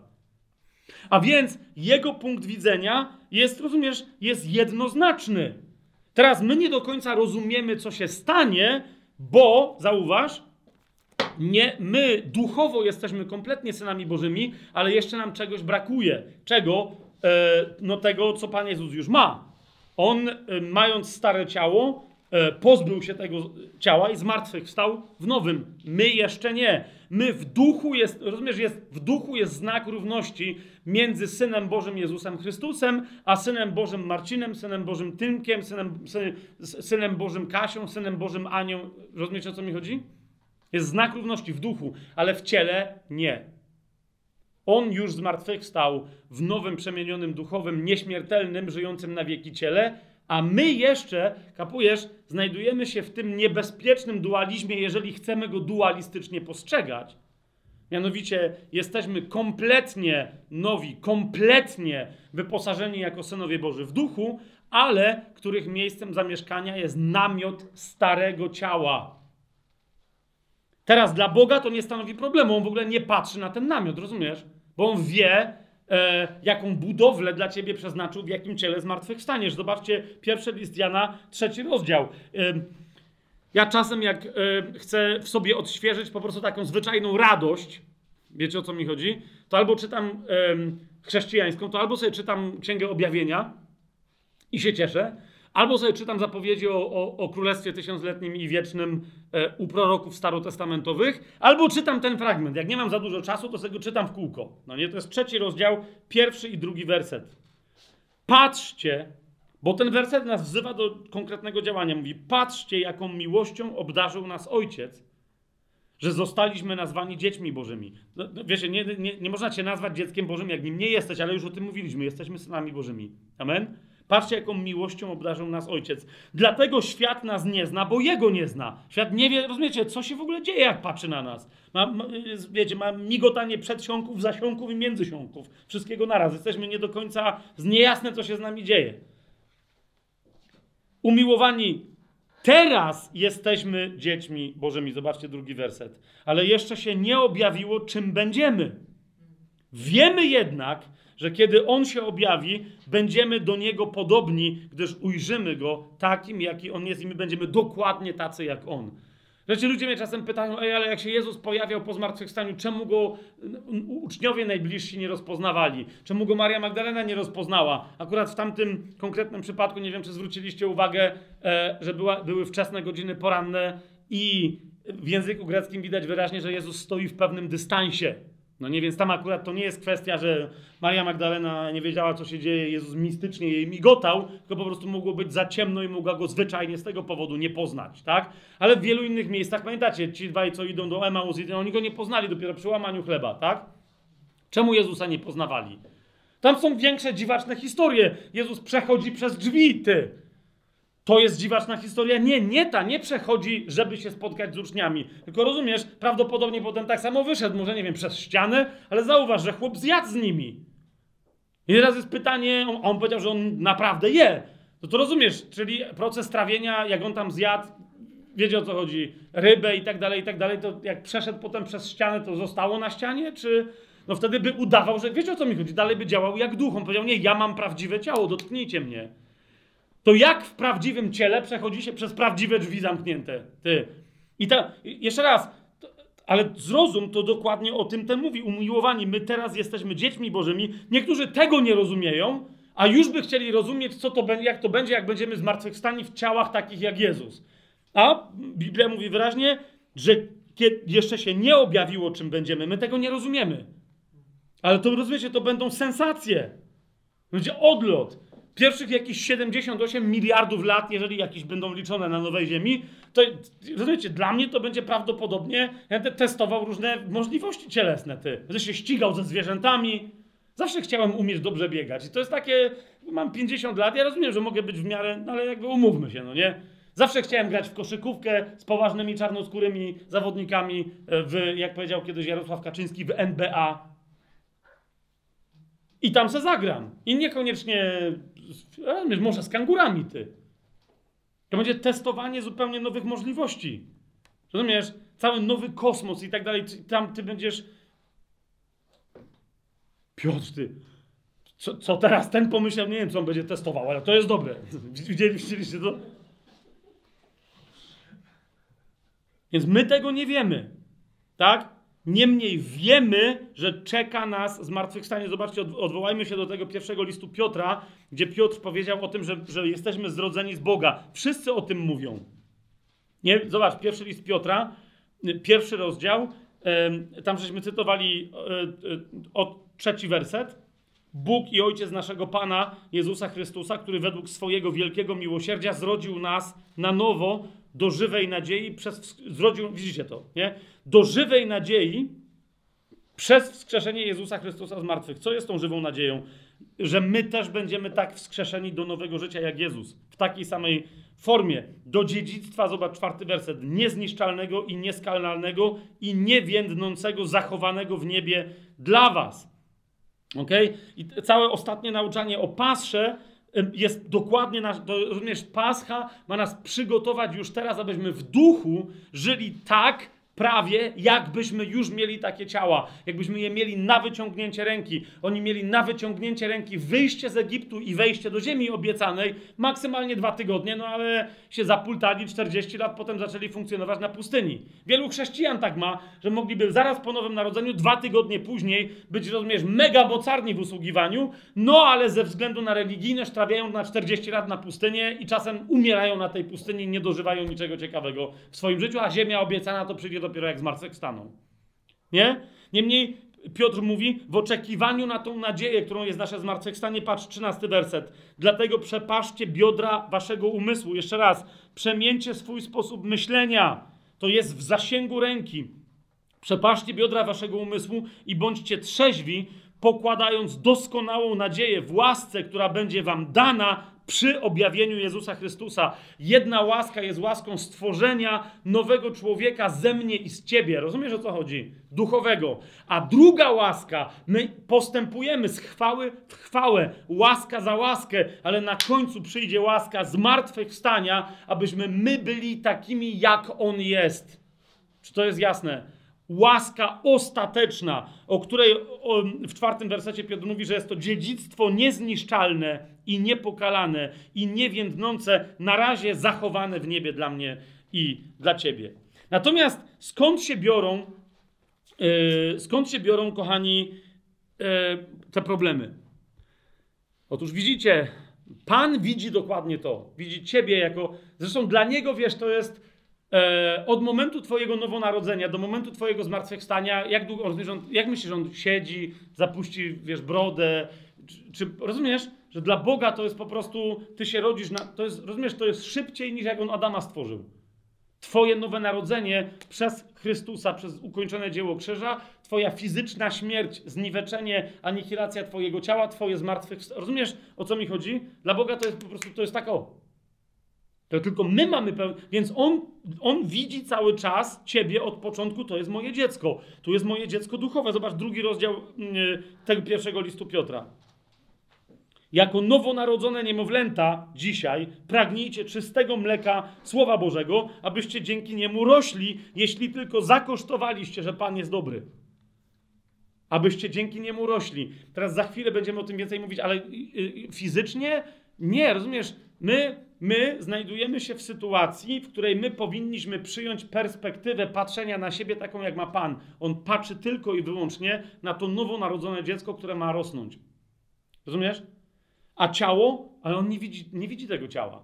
Twoje ciało zostało raz na zawsze zniszczone. Nie ma żadnego drugiego starego człowieka. Została powłoka po nim. To jest ciało, w którym żyjesz, które w drugim liście do Koryntian, w piątym rozdziale Paweł nazywa starym, poszarpanym namiotem.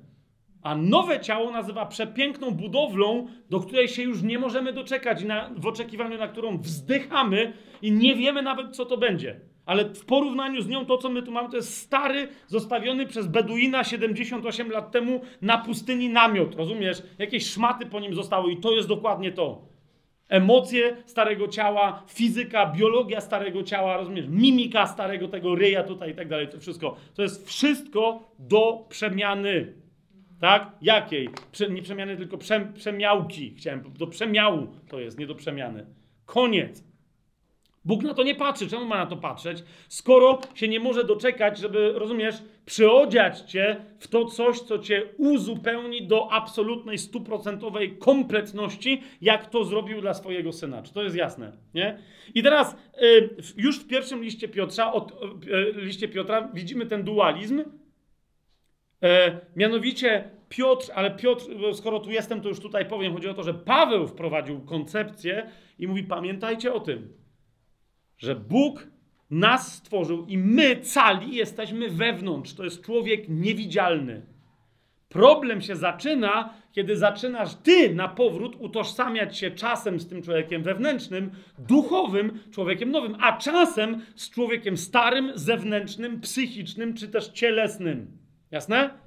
Piotr więc skorzystał tutaj z tego bo on w pierwszym, drugim rozdziale mówi po prostu o nowym człowieku, i potem przy okazji zwrócenia się do kobiet odwołuje się do tej prawdy, ale zaraz pokażę jej wam więcej w Biblii i na tym dzisiaj skończymy. Więc w trzecim rozdziale Piotr, yy, pisząc do, do kobiet, mówi w trzecim wersecie, swoją drogą, jeszcze raz zwróćcie uwagę, yy, że ten, jak się dobrze w niego wczytacie, ten fragment nie jest zakazem stosowania przez kobiet tam czegokolwiek. Tak? Mówi, niech waszą ozdobą nie będzie to, co zewnętrzne. Zaplatanie włosów, obłożenie się złotem lub strojenie w szaty. I teraz niektórzy każą babom chodzić w workach po, po ziemniakach, albo wręcz, wiecie, takich nieużywanych foliach po śmieciach, wręcz prawie że, nie, za, zaniedbanych i tak dalej, i tak. To jest, no bo jest napisane, niech to nie będzie. Logika tu jest, Piotr mówi, co ma być ozdobą chrześcijanki, tak? A nie mówi, że jej się nie, że po prostu jeżeli ona chce upiększyć się, to jej mówi, co ją upiększa i zgodnie z prawdą mówi, że jak ona nawet by yy, z siebie choinkę zrobiła ze złota, to nadal to jej urody nie poprawi. No umówmy się, tak? Ja mojej żonie to zawsze powtarzam, nie? Ona, ona mi się zawsze pyta, czy ładna sukienka. Ja jej mówię, brawo, nie? Ty akurat możesz zupełnie swobodnie na siebie naprawdę worek po ziemniakach założyć i, i worek będzie elegancki na tobie. Wiesz o co mi idzie? Więc, więc Piotr tylko mówi, ej, kobieto, te rzeczy zewnętrzne ciebie nie upiększą, ale nie mówi, że nie wolno z nich korzystać. W każdym razie nie on i nie w tym miejscu. Czy to jest jasne? Mówi, niech waszą ozdobą nie będzie to, co zewnętrzne, zaplatanie włosów, obłożenie się złotem lub strojenie w szaty, ale co ma być twoją ozdobą? Ukryty, wewnętrzny człowiek w niezniszczalnej ozdobie łagodności i spokoju ducha, który jest cenny w oczach Boga. Rozumiesz, o co mi chodzi? Jeżeli jesteś wierzącą... I teraz yy, inna rzecz, że co on tu do chłopów ma? Chłopy wiadomo, że szukają zawsze komfortu w ubraniach, a nie piękna, tak? Pomijam, o patologiach teraz nie rozmawiamy, tak? Więc... Natomiast kobiety lubią podkreślić, jeszcze raz, on mówi, zobacz, możesz, zro... jeżeli jesteś chrześcijanką, to przede wszystkim chcesz podobać się Bogu. Twój nowy wewnętrzny człowiek chce się podobać Bogu. Jego się nie przyozdabia ładną fryzurą, co nie znaczy, że jej nie możesz mieć, ale Bóg na to nie patrzy, dlatego że to zginie w płomieniach, szczeźnie w zniszczeniu śmierci. To jest jasne? I teraz, kochani, o tej walce między człowiekiem wewnętrznym, ponieważ całe nowe stworzenie to jest człowiek wewnętrzny, który cały czas jeszcze współistnieje, ale uważaj na to, co mówię, nie współżyje, tylko współistnieje, równolegle jeszcze istnieje przez pewną chwilę z człowiekiem zewnętrznym. Człowiek wewnętrzny stoi w opozycji do człowieka zewnętrznego, oni nie mają ze sobą niczego wspólnego. Człowiek wewnętrzny jest też czasem w Biblii nazywany człowiekiem nowym, nowym stworzeniem albo człowiekiem duchowym. Jak chcecie zgłębić więcej ten temat, ja dzisiaj tylko pokażę parę przykładów. Człowiek zewnętrzny, natomiast to jest człowiek cielesny, zwany też często człowiekiem duszewnym, to jest człowiek stary, stary człowiek, człowiek zewnętrzny, człowiek cielesny, człowiek duszewny w odróżnieniu od człowieka duchowego. Czy to, yy, czy to jest jasne? I teraz, kochani, najpierw wam pokażę, że istnieje to rozgraniczenie, ale teraz wiecie, ukończone dzieło krzyża, jeżeli my pamiętamy, że jest stworzeniem nowego człowieka, to pamiętaj, każdy problem w naszym życiu bierze się nie z tego, że my jeszcze mamy jakiś problem, ale bierze się z tego, że my swoim duchowym ja chcemy wrócić do starego, duszewnego człowieka. Rozumiesz? I tu się zaczyna problem, bo się próbujemy przez krzyż przedostać z powrotem do krainy śmierci, ciemności i grzechu. I to się zawsze źle kończy. Tak? Ale nadal, nawet jak to próbujemy robić, rozumiesz, że duch nie może przejść na tę stronę krzyża. Ale jak próbuje twoje serce coś takiego zrobić, to co robi? Ożywia zwłoki, które są martwe na ciele, zwłoki, które są pozostałością po twoim starym człowieku. Czy rozumiecie, co teraz mówię? I wtedy te zwłoki grzeszą, te zwłoki się boją, te zwłoki chorują, te zwłoki stają się biedne i tak dalej, i tak dalej, i tak dalej. Usunięcie tych problemów polega na powrocie do kompletności Syna Bożego, a nie próbie naprawiania starej natury. Na stary sposób, bo ona jest nie do naprawienia i Bóg nie chce mieć z nią niczego wspólnego i nie chce, aby Twój duch miał z tą starą naturą cokolwiek wspólnego. Czy to jest jasne? O samym tylko tym dualizmie pokażę Wam parę cytatów i na tym dzisiaj y, skończymy, bo myślę, że Y, wymowa tego wszystkiego, o czym, o czym mówimy, jest dziś już y, jasna, a niektórzy będą mieli bardzo dużo, mam w duchu takie wrażenie, materiału do przegryzienia i przetrawienia dopiero teraz. Zobaczcie drugi do Koryntian. Oczywiście piąty rozdział bazuje na tym, mówi o człowieku wewnętrznym i zewnętrznym. Zobaczcie, w piątym rozdziale Mówi, że y, wiemy, że jeśli zostanie zniszczony ten namiot naszego ziemskiego mieszkania i tak dalej, i tak dalej. Ale, ale o dualizmie tym, o którym ja mówię, z którego my musimy wreszcie zrezygnować. Przestać próbować jedną nogą żyć duchowo, a drugą nogą żyć cieleśnie. Tak? Mówi w czwartym rozdziale drugiego listu do Koryntian. E, e, Paweł najpierw Y, mówi o nowym stworzeniu w naszym wnętrzu. To jest szósty i siódmy werset. Zobacz, mówi tak. Bóg który rozkazał, aby z ciemności zabłysnęło światło, czyli mówi ten sam stworzyciel, który dokonał pierwszego stworzenia. Amen? On to, ten, zabłysnął w naszych sercach teraz, aby zajaśniało w nas poznanie chwały Bożej w obliczu Jezusa Chrystusa. Widzisz, to jest dokładnie to. Nowe stworzenie jest powstaniem w nas nowego człowieka, który ma jego naturę. On w nas zabłysnął. Tak? I teraz patrz, siódmy werset. On mówi, ale my dopóki nie umrzemy i nie zmartwychwstaniemy, mamy pewien problem. Mianowicie mówi, mamy zaś ten skarb, to nowe stworzenie w sobie, w naczyniach glinianych, aby wspaniałość tej mocy była z Boga, a nie z nas. Mówi, nawet to nie stanowi problemu. Bo widzisz, e, to, że nadal ty, to nowe stworzenie, funkcjonujesz w takim dziadowskim starym ciele, dla niego to nie jest problem. Ponieważ dla niego to nie był problem, kiedy Chrystus miał takie ciało. Dla Chrystusa to nie był problem. Więc tylko ty przestań się tykać tego czegoś, ale zostaw to jego mocy. Swoją drogą, pamiętacie, jak drugi list do Koryntian się mączy, dla, yy, kończy. Dlatego będę się chlubić z moich słabości. Tak? Mówi, do, do Pana mówi, trzy razy powiedział, odstąp ode mnie, a Pan mu powiedział, wystarczy ci moja łaska. Bo, bo, moc doskonali się, moja moc doskonali się w Twojej słabości. I on mówi, więc ja się będę teraz chlubił z moich słabości, które są w ciele, a nie w naturze duchowej yy, Syna Bożego. I zobaczcie, dziesiąty, e, jedenasty werset. I dlatego zobaczcie, Paweł jak, jak mówi to z jaką radością ty, z jaką dumą. Dziesiąty, jedenasty werset w tym czwartym rozdziale. Nieustannie nosimy w ciele umieranie Pana Jezusa, aby i życie Jezusa objawiło się w naszym ciele. Zawsze bowiem my, którzy żyjemy, jesteśmy wydawani na śmierć z powodu Jezusa, aby i życie Jezusa objawiło się już teraz w tym naszym śmiertelnym ciele. Rozumiesz? Nie ma problemu ze śmiertelnym E, ciałem. Problem jest tylko, jak tracimy właściwą perspektywę. Zobaczcie, koniec tego rozdziału, 16 do 18 wersetu. Dlatego nie zniechęcamy się, mówi Paweł, bo chociaż nasz zewnętrzny człowiek niszczeje non-stop, rozumiesz, z dnia na dzień, z godziny na godzinę, z sekundy na sekundę jest z nim coraz gorzej. Dlaczego? Bo jest coraz bliżej kompletnego unicestwienia, czyli fizycznej śmierci to jednak ten nasz wewnętrzny człowiek odnawia się z dnia na dzień. Ten bowiem nasz chwilowy i lekki ucisk, czyli życia w tym dziadowskim ciele, w tym dziadowskim świecie, przynosi nam przeogromną i wieczną wagę chwały. Ale kiedy już teraz ty możesz doświadczać takiej lekkości życia w tym dziadostwie, gdy nie patrzymy na to, co widzialne, lecz gdy patrzymy na to, co niewidzialne. To bowiem, co widzialne jest doczesne, to zaś, co niewidzialne jest wieczne. To, dlatego to jest właściwa rzeczywistość. Rozumiesz? Chrystus jest rzeczywistością. Twój duch Chrystusowy w tobie jest bardziej rzeczywisty niż twoje ciało. Ale ktoś może uderzyć moje ciało. No właśnie na tym polega problem, może je nawet zabić. Rozumiesz, to nie jest rzeczywistość, która by się miała utrzymać. Rzeczywistością, która się utrzymać może i która jest niezmienna, jest Twój duch.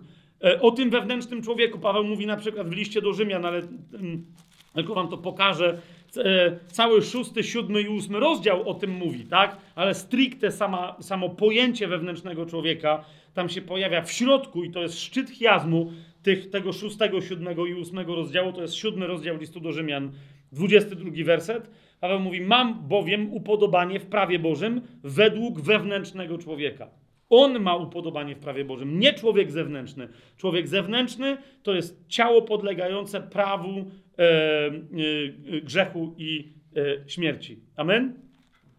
W liście do Efezjan, otwórzmy sobie trzeci e, rozdział. Zauważcie, e, Paweł wie, że Efezjanie wszystko wiedzą, tylko jeszcze nie rozumieją, i, I nadal nawet im się miesza. Czasem żyją w duchu, czasem żyją w ciele. Zobaczcie, o co się modli w trzecim rozdziale e, Paweł. Od 14 wersetu. Dlatego zginam swoje kolana przed Ojcem naszego Pana Jezusa Chrystusa. 16 werset. Aby według bogactwa swojej chwały sprawił, uważajcie na to, żeby wasz wewnętrzny człowiek był utwierdzony mocą przez Jego ducha aby w ten sposób Chrystus przez wiarę mieszkał w waszych sercach, abyście zakorzenieni i ugruntowani w miłości mogli wreszcie pojąć wraz ze wszystkimi świętymi, jaka jest szerokość, długość, głębokość i wysokość, i poznać miłość Chrystusa, która przewyższa wszelkie poznanie, abyście w ten sposób zostali, zauważcie, już teraz napełnieni całą pełnią Boga. Kapujesz? Dla niego tylko Twój duch się liczy, a wtedy ciało przestaje ci dawać znaki, że w ogóle jest. Po prostu. Człowiek wewnętrzny się liczy i można go wzmocnić tak, że człowiek zewnętrzny, cielesny przestaje się liczyć, przestajesz go nawet zauważać. Zauważ w liście do Efezjan wszakże Paweł mówi, ale jeszcze raz, ale to się dzieje nie bez Twojego wysiłku. Podejmij wreszcie ten wysiłek. Popatrz, dlatego zobaczcie, list do Efezjan od początku do końca jest nauczaniem o tym, jak stać się kompletnie nowym człowiekiem. W liście do Efezjan w czwartym rozdziale, w 22 i dalej yy, yy, kolejnych wersetach Paweł mówi, co się tyczy poprzedniego postępowania, patrz na to, powinniście wreszcie zrzucić z siebie starego człowieka, który ulega zepsuciu przez zwodnicze żądze. Czy to widzicie? To żądze, pokuszenia, grzechy i tak dalej, to jest problem ciała, problem starego człowieka i dopóki ty się z nim utożsamiasz, to się pojawia grzech w twoim życiu. Więc on mówi, zrzuć go wreszcie z siebie jak stare, y, brudne, śmierdzące ubranie. A powinniście zrzucić, 20, odnowić się w duchu waszego umysłu. Widzicie to? Pamiętacie od czego dzisiaj zaczęliśmy, od jakiej modlitwy? I co 24 werset? Przyoblec się w nowego człowieka, który jest stworzony według Boga w sprawiedliwości i w prawdziwej świętości. O czym mówiliśmy? On nie ma grzechu, on nie grzeszy i nigdy grzeszyć nie będzie, ponieważ jest to prawdziwy Syn Boży w tobie i we mnie. List do Kolosan. Dalej, zobacz ile tego jest w Biblii. List do Kolosan, trzeci rozdział, dziewiąty i dziesiąty werset. Nie okłamujcie się wzajemnie, skoro już zrzuciliście z siebie starego człowieka z jego uczynkami, a przyodzialiście się w nowego, który się odnawia w poznaniu na obraz tego, który go stworzył. Ojciec, Syn i Duch Święty stworzył nowego człowieka i my się odnawiamy w poznaniu na jego obraz. Zauważ, o czym, o czym mówi w drugim liście yy, do Koryntian w trzecim rozdziale yy, Paweł w osiemnastym wersecie. Drugi do Koryntian 3,18. My wszyscy, którzy z odsłoniętą twarzą patrzymy na chwałę Pana, jakby w zwierciadle, w zwierciadle widzisz swoje odbicie. A on mówi, my patrzymy na niego i wiemy, że to jest nasze odbicie. Zostajemy przemienieni w ten sam obraz z chwały w chwałę za sprawą ducha Pana. Więc wystarczy na dzisiaj, bo myślę, że yy, yy, co zostało, teza, która została postawiona, została udowodniona. Ok? My jesteśmy. Ukończone dzieło krzyża równa się nowe stworzenie. Nowe stworzenie równa się nowy człowiek. Nowy człowiek jest kompletnym synem Bożym w duchu. Jedyny problem w życiu chrześcijańskim, a teraz nadal to może być duży problem, to jest, że zaczynamy my tworzyć dualizm tam, gdzie Bóg ani go nie widzi, ani go nie chce. Kapujecie?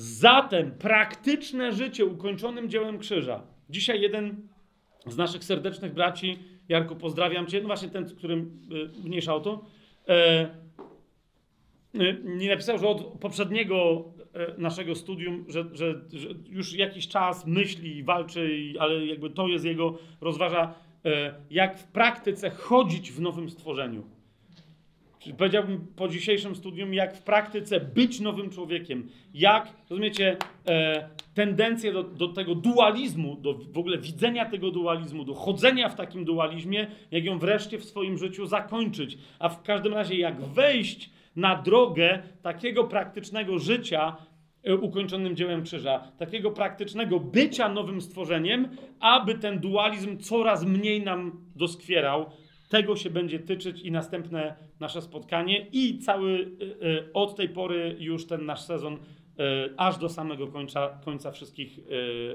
wszystkie te następne spotkania, których będzie jeszcze pięć. Dobrze liczę? 8, 9, 10, 11, 12. A na dzisiaj e... Amen, synowie Boży! Amen.